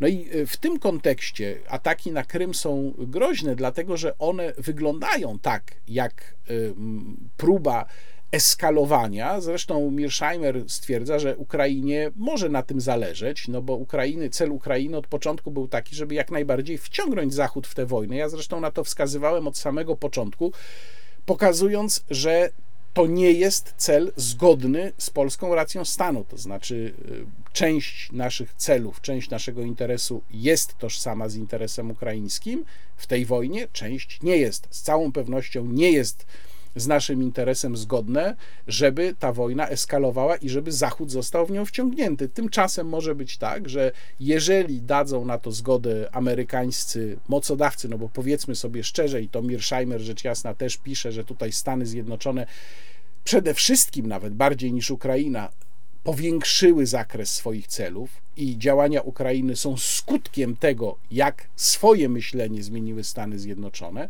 No więc, jeżeli Stany Zjednoczone dadzą w którymś momencie na to zgodę, to Ukraina może podjąć takie działania, które wywołają eskalację, które spowodują, że e, Rosja w obawie przed przegraną będzie chciała sięgnąć po swoją doktrynę deeskalacji poprzez eskalację, czyli wykona jakiś cios, który będzie takim, e, taką takim punktem zwrotnym, po którym wszyscy się będą chcieli cofnąć. No ale ten cios właśnie może również dosięgnąć nas. I tu Mirszajmer zresztą podaje przykłady, co by to mogło być, mówiąc, że może to być na przykład atak na terytorium państwa NATO e, w tym na przykład na terytorium Polski czy terytorium Rumunii. Może być to również atak bronią, taktyczną bronią jądrową na terytorium Ukrainy i taki atak mógłby wywołać skutek w postaci e, tak głębokiego przestrachu na zachodzie Europy, że nacisk E, na to, żeby wojnę zakończyć na zachodzie Europy, stałby się bardzo potężny. Więc w każdym takim scenariuszu Polska no, jest potencjalnym celem i potencjalnie jest bardzo poszkodowana. Natomiast Ukraina no, nie będzie się tu przejmowała interesem Polski. Jeżeli będzie chciała za przyzwoleniem, czy z powodu impulsu płynącego wręcz z Waszyngtonu, będzie chciała tę wojnę eskalować, no to to zrobi. Wreszcie e, stwierdza Mirsheimer, i trudno naprawdę nie przyznać mu tutaj racji, że wojny rządzą się własną logiką. I jeżeli ktoś twierdzi, że wie, jak ta wojna będzie przebiegać i wie na przykład, że mm, jesteśmy bezpieczni i te, takiej eskalacji nie będzie, no to po prostu mówi nieprawdę, bo tego nie wie nikt. E, w tym wszystkim powinniśmy pamiętać cały czas o polskim interesie. Pamiętać o tym, że polski interes nie jest ani tożsamy z interesem ukraińskim, ani tożsamy z interesem amerykańskim. My jesteśmy w specyficznym miejscu na mapie, my mamy własne uwarunkowania, ponosimy w związku z tą wojną niesamowicie wysokie koszty. Kiedy mówię, że nie jest tożsamy, to oczywiście używam słowa tożsamy w ścisłym znaczeniu tego słowa, czyli że jest tutaj jakiś poziom zgodności, natomiast nie jest to poziom stuprocentowy. A zatem y, pamiętajmy o tym, że tutaj w grze jest przede wszystkim polski interes dla nas i to my powinniśmy dbać właśnie o polski interes przede wszystkim, a nie o interes ukraiński czy interes amerykański. I wreszcie jeszcze jedno y, polecenie. Y, tekst, który ukazał się w brytyjskim The Spectator i do którego link, tak jak zresztą do innych tekstów, zamieszczam Państwu w opisie filmu, to jest relacja z kolei z rozmowy z Rishim Sunakiem. Rishi Sunak to jest, e, to był kanclerz skarbu, czyli minister finansów w rządzie Borisa Johnsona. W tej chwili Rishi Sunak jest jednym z dwojga pretendentów do objęcia przywództwa nad brytyjskimi torysami, a tym samym do stanowiska premiera. No i Rishi Sunak zdecydował się mówić o tym, co działo się w gabinecie Borisa Johnsona w trakcie epidemii. Jak podejmowane były decyzje dotyczące przede wszystkim różnego rodzaju epidemicznych ograniczeń, lockdownów. Można sobie zadać pytanie, dlaczego Rishi Sunak mówi o tym wszystkim dopiero teraz i mówi o tym właśnie w momencie, kiedy konkuruje o przywództwo nad torysami. I rzeczywiście byłoby to zasadne pytanie. Być może mm, brytyjski polityk y, próbuje własną rolę wyolbrzymić w tej opowieści lub próbuje się wybielić. Natomiast nie zmienia to faktu, że okoliczności, o których opowiada, no, są raczej prawdziwe. On może tutaj zmyślać, czy, czy mm, powiedzmy manipulować, jeżeli chodzi o jego własną rolę, natomiast raczej nie manipuluje, jeżeli chodzi o okoliczności, w jakich to wszystko się odbywało i co działo się tam właśnie na zapleczu. A mówię o tym dlatego, że Wielka Brytania była jednym z tych państw, gdzie ograniczenia w pewnych momentach były posunięte najdalej. I również dlatego, że można, jak sądzę, spokojnie te opowieści Rishi Sunaka przełożyć na Polskę, tylko że należałoby je, by je pomnożyć pewnie razy dwa albo razy trzy, bo jednak Polska jest krajem niestety niższej kultury politycznej niż Wielka Brytania. I ta opowieść Rishi Sunaka jest y, rzeczywiście porażająca. Y, po pierwsze, dowiadujemy się, że nie było żadnych analiz dotyczących tego, jakie będą konsekwencje poszczególnych działań, decyzji podejmowanych przez rząd, jeżeli chodzi o, lockda o lockdowny y, dla gospodarki, dla edukacji, dla służby zdrowia. Po prostu tak ma być i koniec, i żadnych konsultacji, żadnych analiz nie robimy. Po drugie, do głosu doszedł w pewnym momencie mm, zespół zewnętrzny, zespół naukowców, coś takiego jak Rada Medyczna przy premierze, tylko że tam miała ona chyba jeszcze większą siłę oddziaływania i ta, ten zespół naukowców zewnętrznych podawał w zasadzie gotowe rozwiązania, ale nie wiadomo było, na czym się mianowicie opiera, przygotowując swoje analizy i swoje modele. I nikt nie był w stanie do tego dojść. Sam Sunak mówi, że on wnioskował o to, żeby przedstawiono mu te założenia i nigdy mu tych założeń nie przedstawiono. Mm, zespół naukowców ten właśnie straszył ogromnymi liczbami zgonów, jeżeli nie podejmie się działań lockdownowych. Y, tymczasem te oceny po prostu okazały się dęte, bo y, kiedy pojawił się wariant Omikron, miało być według nich 6 tysięcy ofiar Omikrona dziennie. Tylko, że tym razem już zdecydowano się nie posłuchać rekomendacji dotyczących lockdownów i okazało się, że z tą liczbą zmarłych zespół naukowców przestrzelił 20 razy. No więc z tego Sunak wyciąga wniosek, że prawdopodobnie te oceny, które wcześniej się pojawiały, były tak samo dęte. Robiono takie wrażenie, sprawiano takie wrażenie, że e, zakazy, ograniczenia, które, na które decydował się brytyjski rząd, wynikają z nauki, skąd my to znamy, prawda?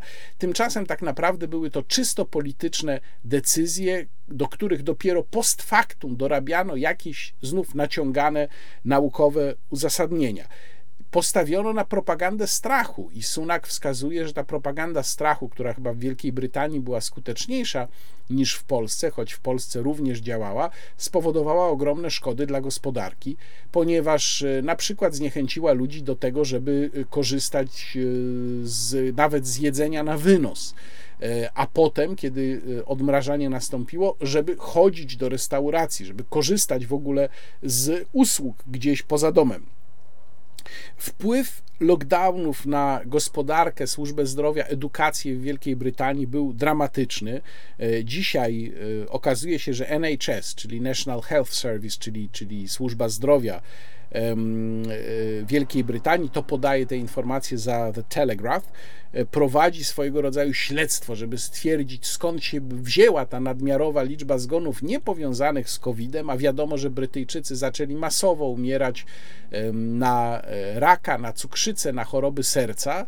Wszystko to są skutki rozwiązań, które w NHS przyjęto na czas COVID-u, no my to też znamy z naszej służby zdrowia i też mamy to, co jest y, przedstawiane jako taki dług postepidemiczny, a tak naprawdę jest skutkiem przekierowania w zasadzie całej polskiej służby zdrowia wyłącznie na obsługę COVID-u, no to są decyzje, za które odpowiada i Mateusz Morawiecki, i Adam Niedzielski, i oni po prostu powinni być z tych decyzji rozliczeni. Natomiast jak ten proces decyzyjny mógł wyglądać w Polsce, skoro tak wyglądał w Wielkiej Brytanii? Tu może przypomnę, bo to jest e, motyw czy wątek, który chyba najlepiej to obrazuje kiedy to e, organizacja Watchdog Polska, zajmująca się jawnością życia publicznego, skierowała pytanie jakiś czas temu już, do, myślę, że to było ponad rok temu, skierowała pytanie do kancelarii premiera, co stało za zamknięciem cmentarzy 1 listopada 2020 roku.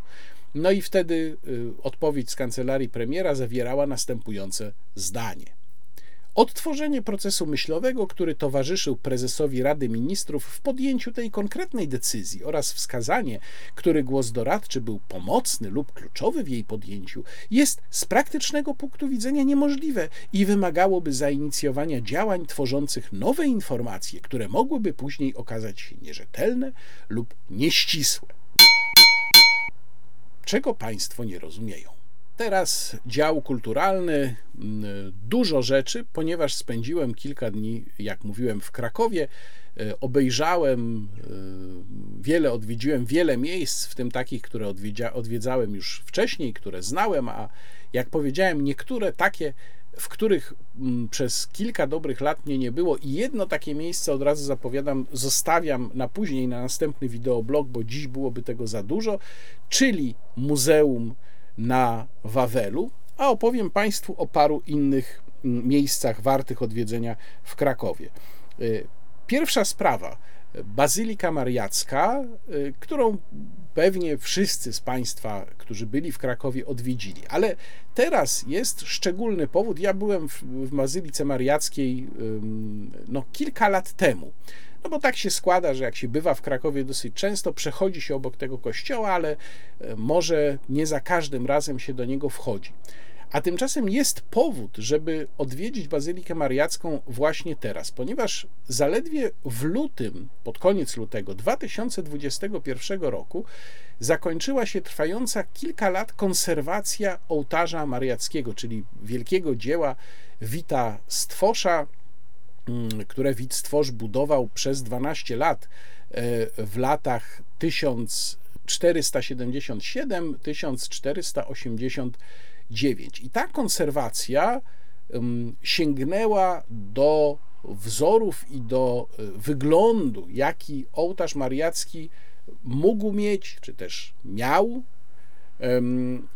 w momencie, kiedy był odsłaniany, kiedy był ukończony. Widać to po dwóch dostrzegalnych gołym okiem różnicach. Tam jeszcze były jakieś drobne przearanżowania, jeżeli chodzi o sam układ y, ołtarza. No, oczywiście same zabiegi konserwacyjne, ale w dwóch rzeczach widać, co się różni. Ja nawet spojrzałem sobie na zdjęcia, które zrobiłem ołtarzowi mariackiemu w 2011 roku i porównałem z aktualnymi, które tam zrobiłem dopiero co. Tak widać tę różnicę. Otóż po pierwsze, tło za figurami w głównej kwaterze ołtarza stało się teraz intensywnie granatowe. Ono wcześniej było takie, no, jak każdy mężczyzna, mamy pewien problem z opisywaniem kolorów, ale powiedzmy, że przypominało bardziej y, kolor mojej koszuli, tej, którą mam teraz na sobie, czyli było takie bardziej przyćmione. W tej chwili jest intensywnie granatowe i to jest taki kolor, jaki najprawdopodobniej był w momencie, kiedy widz tworz swój ołtarz oddawał mm, do użytku, do konsekracji. I druga bardzo wyraźna różnica to są e, krawędzie, widoczne krawędzie kwater w szafie ołtarzowej. One przed konserwacją były czarne. W tej chwili są intensywnie czerwone. I to jest taki sposób malowania, jak tłumaczą konserwatorzy. Zresztą na filmie, do którego link y, Państwu załączam, na filmie o konserwacji ołtarza mariackiego, y, to jest taki zabieg, taka, y, takie malowanie, które bardzo często na średniowiecznych, gotyckich ołtarzach właśnie występowało i zgodnie z ustaleniami konserwatorów było również właśnie na ołtarzu mariackim w tej jego pierwszej wersji, kiedy E, widz stworz go ukończył. Więc warto wejść do Bazyliki Mariackiej i przyjrzeć się ołtarzowi Wita Stwosza w takiej postaci, w jakiej on jest teraz, po e, konserwacji trwającej kilka lat. A jeżeli chodzi o samego Wita Stwosza, to nie wiem, czy Państwo wiedzą, że on e, w ciągu 12 lat pracy nad ołtarzem mariackim dostał za swoje działania sumę 2808 florenów, która to suma e, jest jedyną zanotowaną w dokumentach, więc być może było tych pieniędzy więcej, tego nie wiemy, ale ona sama jest równa ówczesnemu rocznemu budżetowi Krakowa. Czyli w ciągu 12 lat Widz Stworz zarobił tyle, ile w ogóle Kraków miał w swoim budżecie przez jeden rok. No to była ogromna suma. Natomiast nie przyniosły mu te pieniądze mm, szczęścia. On jeszcze kilka lat po ukończeniu ołtarza mariackiego mieszkał w Polsce, a potem wrócił do, do siebie, do Niemiec, do Norymbergi. Przecież Widz Stworz naprawdę nazywał się Weidstoss, był Niemcem. Wrócił do Norymbergi i tam w tej Norymberdze swoje pieniądze źle zainwestował nastąpiło bankructwo banku, w którym te pieniądze złożył. Skutek był taki, że będąc w trudnej sytuacji finansowej, stworz sfałszował podpis na wekslu, a wtedy takie przestępstwa finansowe były niezwykle surowo karane i w zasadzie groziła mu za to kara śmierci. Gdyby nie wstawiennictwo jednego z wysokich urzędników kościelnych, jego duże zasługi, to prawdopodobnie Wit Stworz zostałby ścięty. E, no a skończyło się na tym, że został napiętnowany, wypalono mu piętno. Tutaj są różne wersje. Jedna mówi, że na e, obu policzkach, inna mówi, że na czole. No tak jak się piętnowało między innymi złodziei. I przez kolejnych kilka lat Wit Stworz no, był w bardzo złej sytuacji, bez uczniów, bez zleceń. Dopiero po kilku latach przyszło ułaskawienie i jeszcze pod koniec życia zaczął znów Wit Stworz pracować. Drugie miejsce, o którym już Państwu mówiłem, to Galeria Malarstwa Polskiego w Sukiennicach, ale e, tutaj już nie będę mówił o samej galerii, bo o niej już opowiadałem, polecałem ją, to jest takie obowiązkowe miejsce na mapie Krakowa. Natomiast e, polecam Państwu, dopóki jest, wystawę czasową, która pokazuje nieznaną stronę działalności jednego z największych, najwybitniejszych polskich historyków XIX-wiecznych, Joachima Lelewela. Joachim Lelewel, który badał przeszłość Polski pod różnymi kątami, był również geografem mm, historycznym, ponieważ e, tworzył atlasy historyczne, wyemigrował e, na zachód po powstaniu listopadowym. E, przede wszystkim mieszkał potem w Brukseli i też wtedy zajmował się właśnie tym, co na tej wystawie jest pokazane, czyli rytowaniem, ponieważ okazuje się, że był miedziorytnikiem, to znaczy sam tworzył ryty, miedzioryty, które następnie ilustrowały jego książki i tworzył je w kilku dziedzinach. Rytował mapy, ale rytował również odnajdywane E, kupowane różne stare monety, dlatego że jedną z jego pasji historycznych była właśnie historyczna numizmatyka i to były czasem monety z początków państwa polskiego. Dużo takich prac, a także e, płyt poddanych konserwacji, e, rytowanych właśnie przez Joachima Lelewela, na tej wystawie można znaleźć. I taka ciekawostka, Joachim Lelewel zmarł w szpitalu w Paryżu w 1861 roku. Y, pod koniec życia zaczęto już robić zdjęcia pod koniec życia Lelewela, więc można na tej wystawie znaleźć chyba trzy lub cztery zdjęcia już naprawdę bardzo wiekowego Joachima Lelewela. Kolejna ciekawostka, o której chcę Państwu powiedzieć, to Muzeum Krakowa, które ma w Krakowie kilka oddziałów E, wartych zobaczenia, natomiast ta główna siedziba mieści się w Pałacu Krzysztofory, czy też pod Krzysztofory, bo pełna nazwa tej kamienicy okazałej takiej rezydencji, y, która no, ma formę kamienicy, ale tak naprawdę była rezydencją, miejską rezydencją pałacową, pałacową, brzmi Lapidea Morstinowska cum signo Christoferi, pod znakiem Krzysztofa, świętego Krzysztofa, przy czym ta rzeźba świętego Krzysztofa, która dzisiaj tam jest ustawiona we wnęce na y, fasadzie kamienicy, jest współczesna, ale prawdopodobnie i odkryto fragmenty, kiedyś tam było czy to malowidło świętego Krzysztofa, czy też stała tam rzeźba świętego Krzysztofa. Pierwszy raz y, wspomniana jest ta kamienica jeszcze w XIV wieku ją przebudowywano, łączono ze sobą kilka kamienic, wielokrotnie zmieniała też wielokrotnie właścicieli.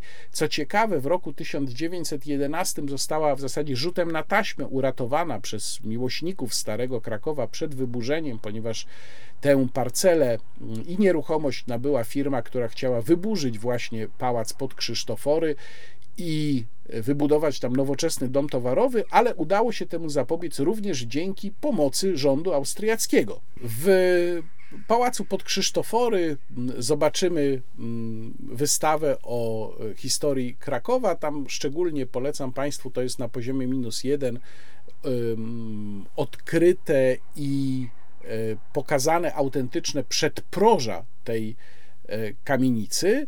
E, i taka ciekawostka, bo ja tak czasem chodzę po muzeum, gdzieś się natknę na jakąś informację, która mnie zainteresuje, i potem zaczynam sprawdzać, przypominam sobie jakąś historię albo dowiaduję się o jakiejś historii. Jak Państwo będą w pałacu pod Krzysztofory, na pierwszym piętrze jest wystawa, która pokazuje historię Krakowa e, poprzez różne aspekty miasta. No i e, między innymi jednym z takich aspektów są różne krakowskie bunty i protesty. Jednym z takich buntów, i to jest właśnie ta ciekawostka, która przyciągnęła moją uwagę i zacząłem o niej czytać. Jednym z takich ciekawych buntów był e, tumult z 1461 roku, podczas którego zabito magnata Andrzeja Tęczyńskiego. Andrzej Tęczyński był synem kasztelana krakowskiego e, i bardzo zamożnym człowiekiem, poszedł odebrać zbroję z naprawy, swoją zbroję z naprawy do płatnerza Klemensa. Z jakiegoś powodu był niezadowolony z tego, jak ta zbroja została zrobiona, czy też może ona była niegotowa, tego nie wiemy, bo te historie przede wszystkim znamy z dwóch źródeł. Po pierwsze, z relacji spisywanej kilkanaście lat później relacji Jana Długosza, który bierze zdecydowanie tutaj stronę magnaterii i szlachty w tej sprawie, i po drugie z ksiąg krakowskich, różnego rodzaju rejestrów. O co chodziło z tą zbroją, nie wiemy. Wiemy, że Andrzej Tęczyński nie chciał zapłacić płatnerzowi Klemensowi tyle, ile wyniósł rachunek, chciał mu zapłacić zdecydowanie mniej. Płatnerz zaczął się z nim awanturować. Przypominam, że mamy naprzeciwko siebie mieszczanina, rzemieślnika i magnata. Na co Tęczyński wymierzył mu policzek i poszedł na skargę do Rady Miejskiej poszedł na skargę, y, płatnerza Klemensa y, ujęto, ujęli go strażnicy, żeby go przyprowadzić na przesłuchanie i gdzieś tam Tęczyński z tym Klemensem się minęli i Klemens prowadzony przez miejskiego pachołka miał powiedzieć według Długosza, spoliczkowałeś mnie panie w moim domu, ale już więcej tego nie zrobisz, na co oczywiście Tęczyński, jak to magnat furiat, uniósł się i pobił na miejscu tego Klemensa już tak dotkliwie, że trzeba go było odnieść do domu, no i z tego powodu e, wzburzyło się mieszczaństwo krakowskie i po prostu zaczęło szukać tego e, Andrzeja Tęczyńskiego, żeby dokonać samosądu. W tym czasie, być może pechowo dla Tęczyńskiego, ale także dla późniejszych ofiar tej sprawy, nie było w Krakowie króla Kazimierza Jagiellończyka, był na wyprawie wojennej, była tylko królowa Elżbieta Rakuszanka na Wawelu, która nie była w stanie stłumić tej, tego buntu i, i uśmierzyć sytuacji skutecznie. Ostatecznie Andrzej Tęczyński schronił się w kościele Franciszkanów, miał nadzieję, że tam e, nie spotka go zemsta tłumu, no ale tłum się tam wdarł. Tęczyński podobno próbował jeszcze za pośrednictwem jakimś paktować, powiedział, że się odda Radzie Miejskiej do dyspozycji.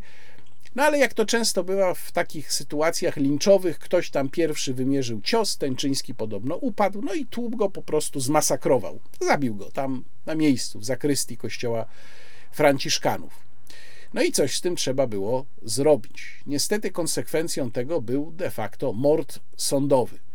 E, to znaczy, e, był stary przywilej Kazimierza Wielkiego, który teoretycznie gwarantował mieszczanom, że za tego, tego typu czyny popełnione w obrębie murów miejskich oni będą sądzeni przez sąd miejski, a nie sąd królewski. Ale ten przywilej został całkowicie zignorowany. Y, odbyły się trzy rozprawy poświęcone tej sprawie przed Sądem Królewskim, a królowi Kazimierzowi Jagiellończykowi zależało na tym, żeby y, uśmierzyć nastroje wśród szlachty, ponieważ potrzebował jej wsparcia w swoich operacjach wojskowych. No i niestety to wsparcie musiał w tym momencie uzyskać kosztem właśnie krakowskich mieszczan. I w rezultacie po trzech rozprawach stworzono listę bodajże dziewięciu osób, które miały zostać przekazane i przez Radę Miejską w Krakowie i po prostu ścięte. No bo za coś takiego kara śmierci wiadomo. Tylko problem polegał na tym, że te dziewięć osób e, było kompletnie przypadkowych. E, trudno powiedzieć, według jakiego klucza je typowano, natomiast nie były to osoby, które rzeczywiście wzięły udział w tym samosądzie na Andrzeju Tęczyńskim.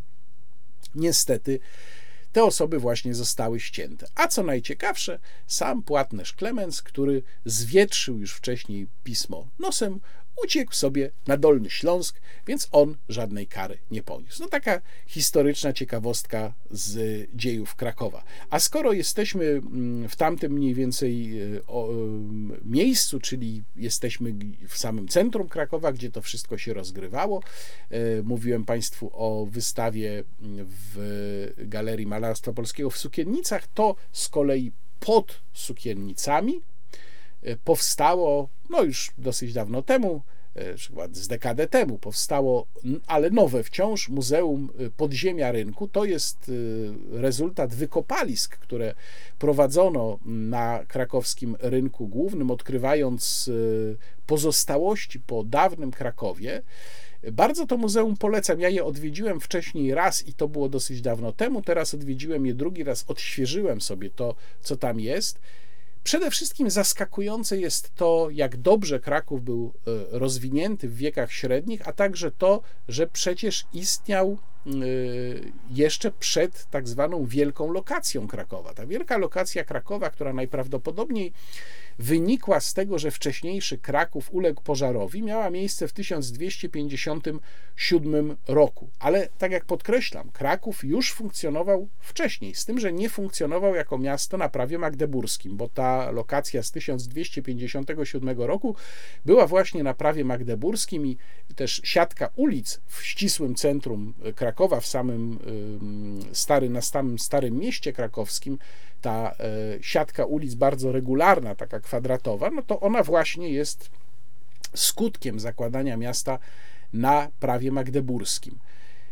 O średniowiecznym Krakowie przede wszystkim się wiele tam dowiemy w tym muzeum, przede wszystkim, ale nie tylko o średniowiecznym. Natomiast to, co bardzo zaskakuje, co jest bardzo charakterystyczne i chyba jest najciekawszym motywem czy wątkiem w tym muzeum, to jest bardzo wysoki poziom życia w Krakowie. Ja na przykład z dużym zaskoczeniem dowiedziałem się, że we wczesnośredniowiecznym Krakowie ludzie, mieszkańcy byli bardzo wysocy.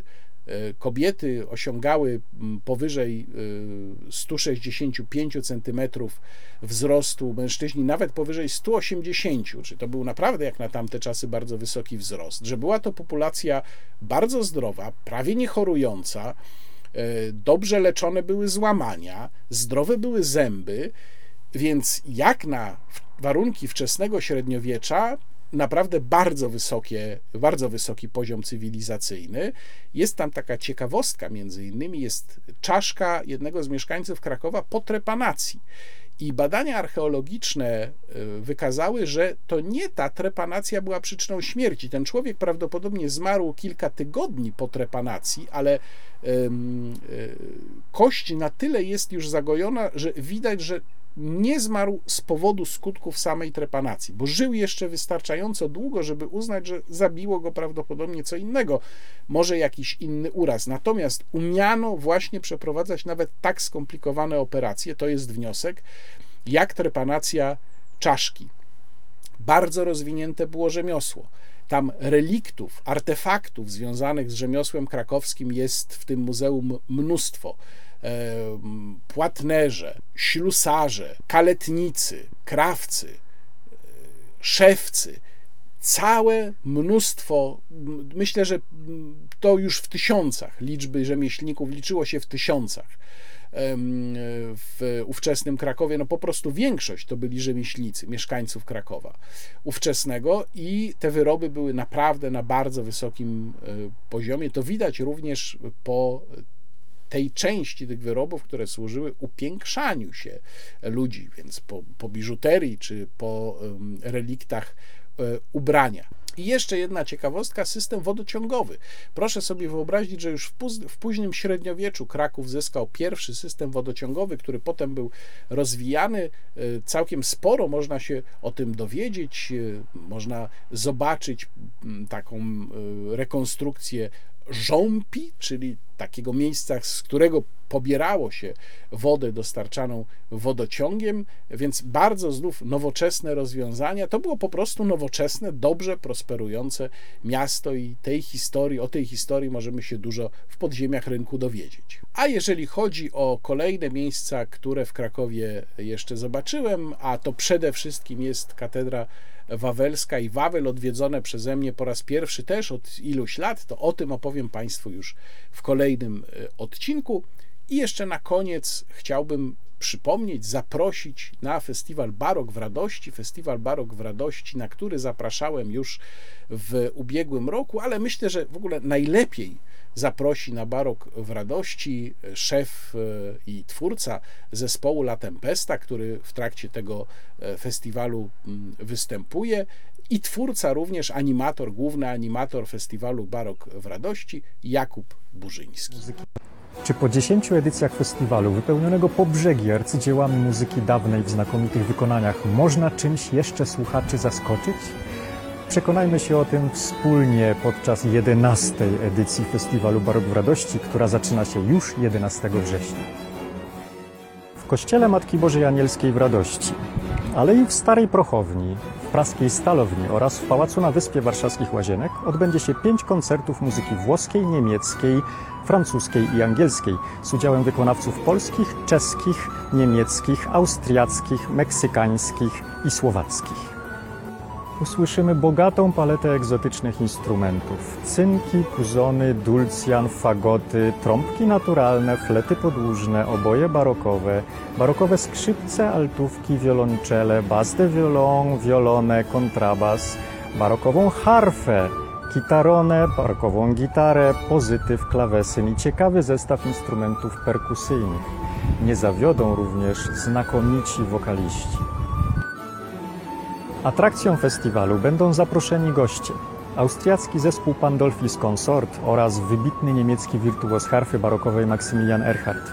Nowością zaś udział tancerzy, a to za sprawą warszawskiego zespołu Warszawia Galante pod dyrekcją i w choreografii Edgara Lewandowskiego. Szczegóły dotyczące festiwalu znaleźć można na profilu na portalu Facebook. Do zobaczenia i usłyszenia wkrótce. A więc Barok w Radości już niedługo, pierwszy koncert 11 września, a ja bardzo dziękuję za dzisiaj. Kłaniam się Państwu, dziękuję za wszystkie polubienia, dziękuję za wszystkie wyświetlenia i przede wszystkim dziękuję serdecznie wszystkim mecenasom. Łukasz Warzecha, do zobaczenia.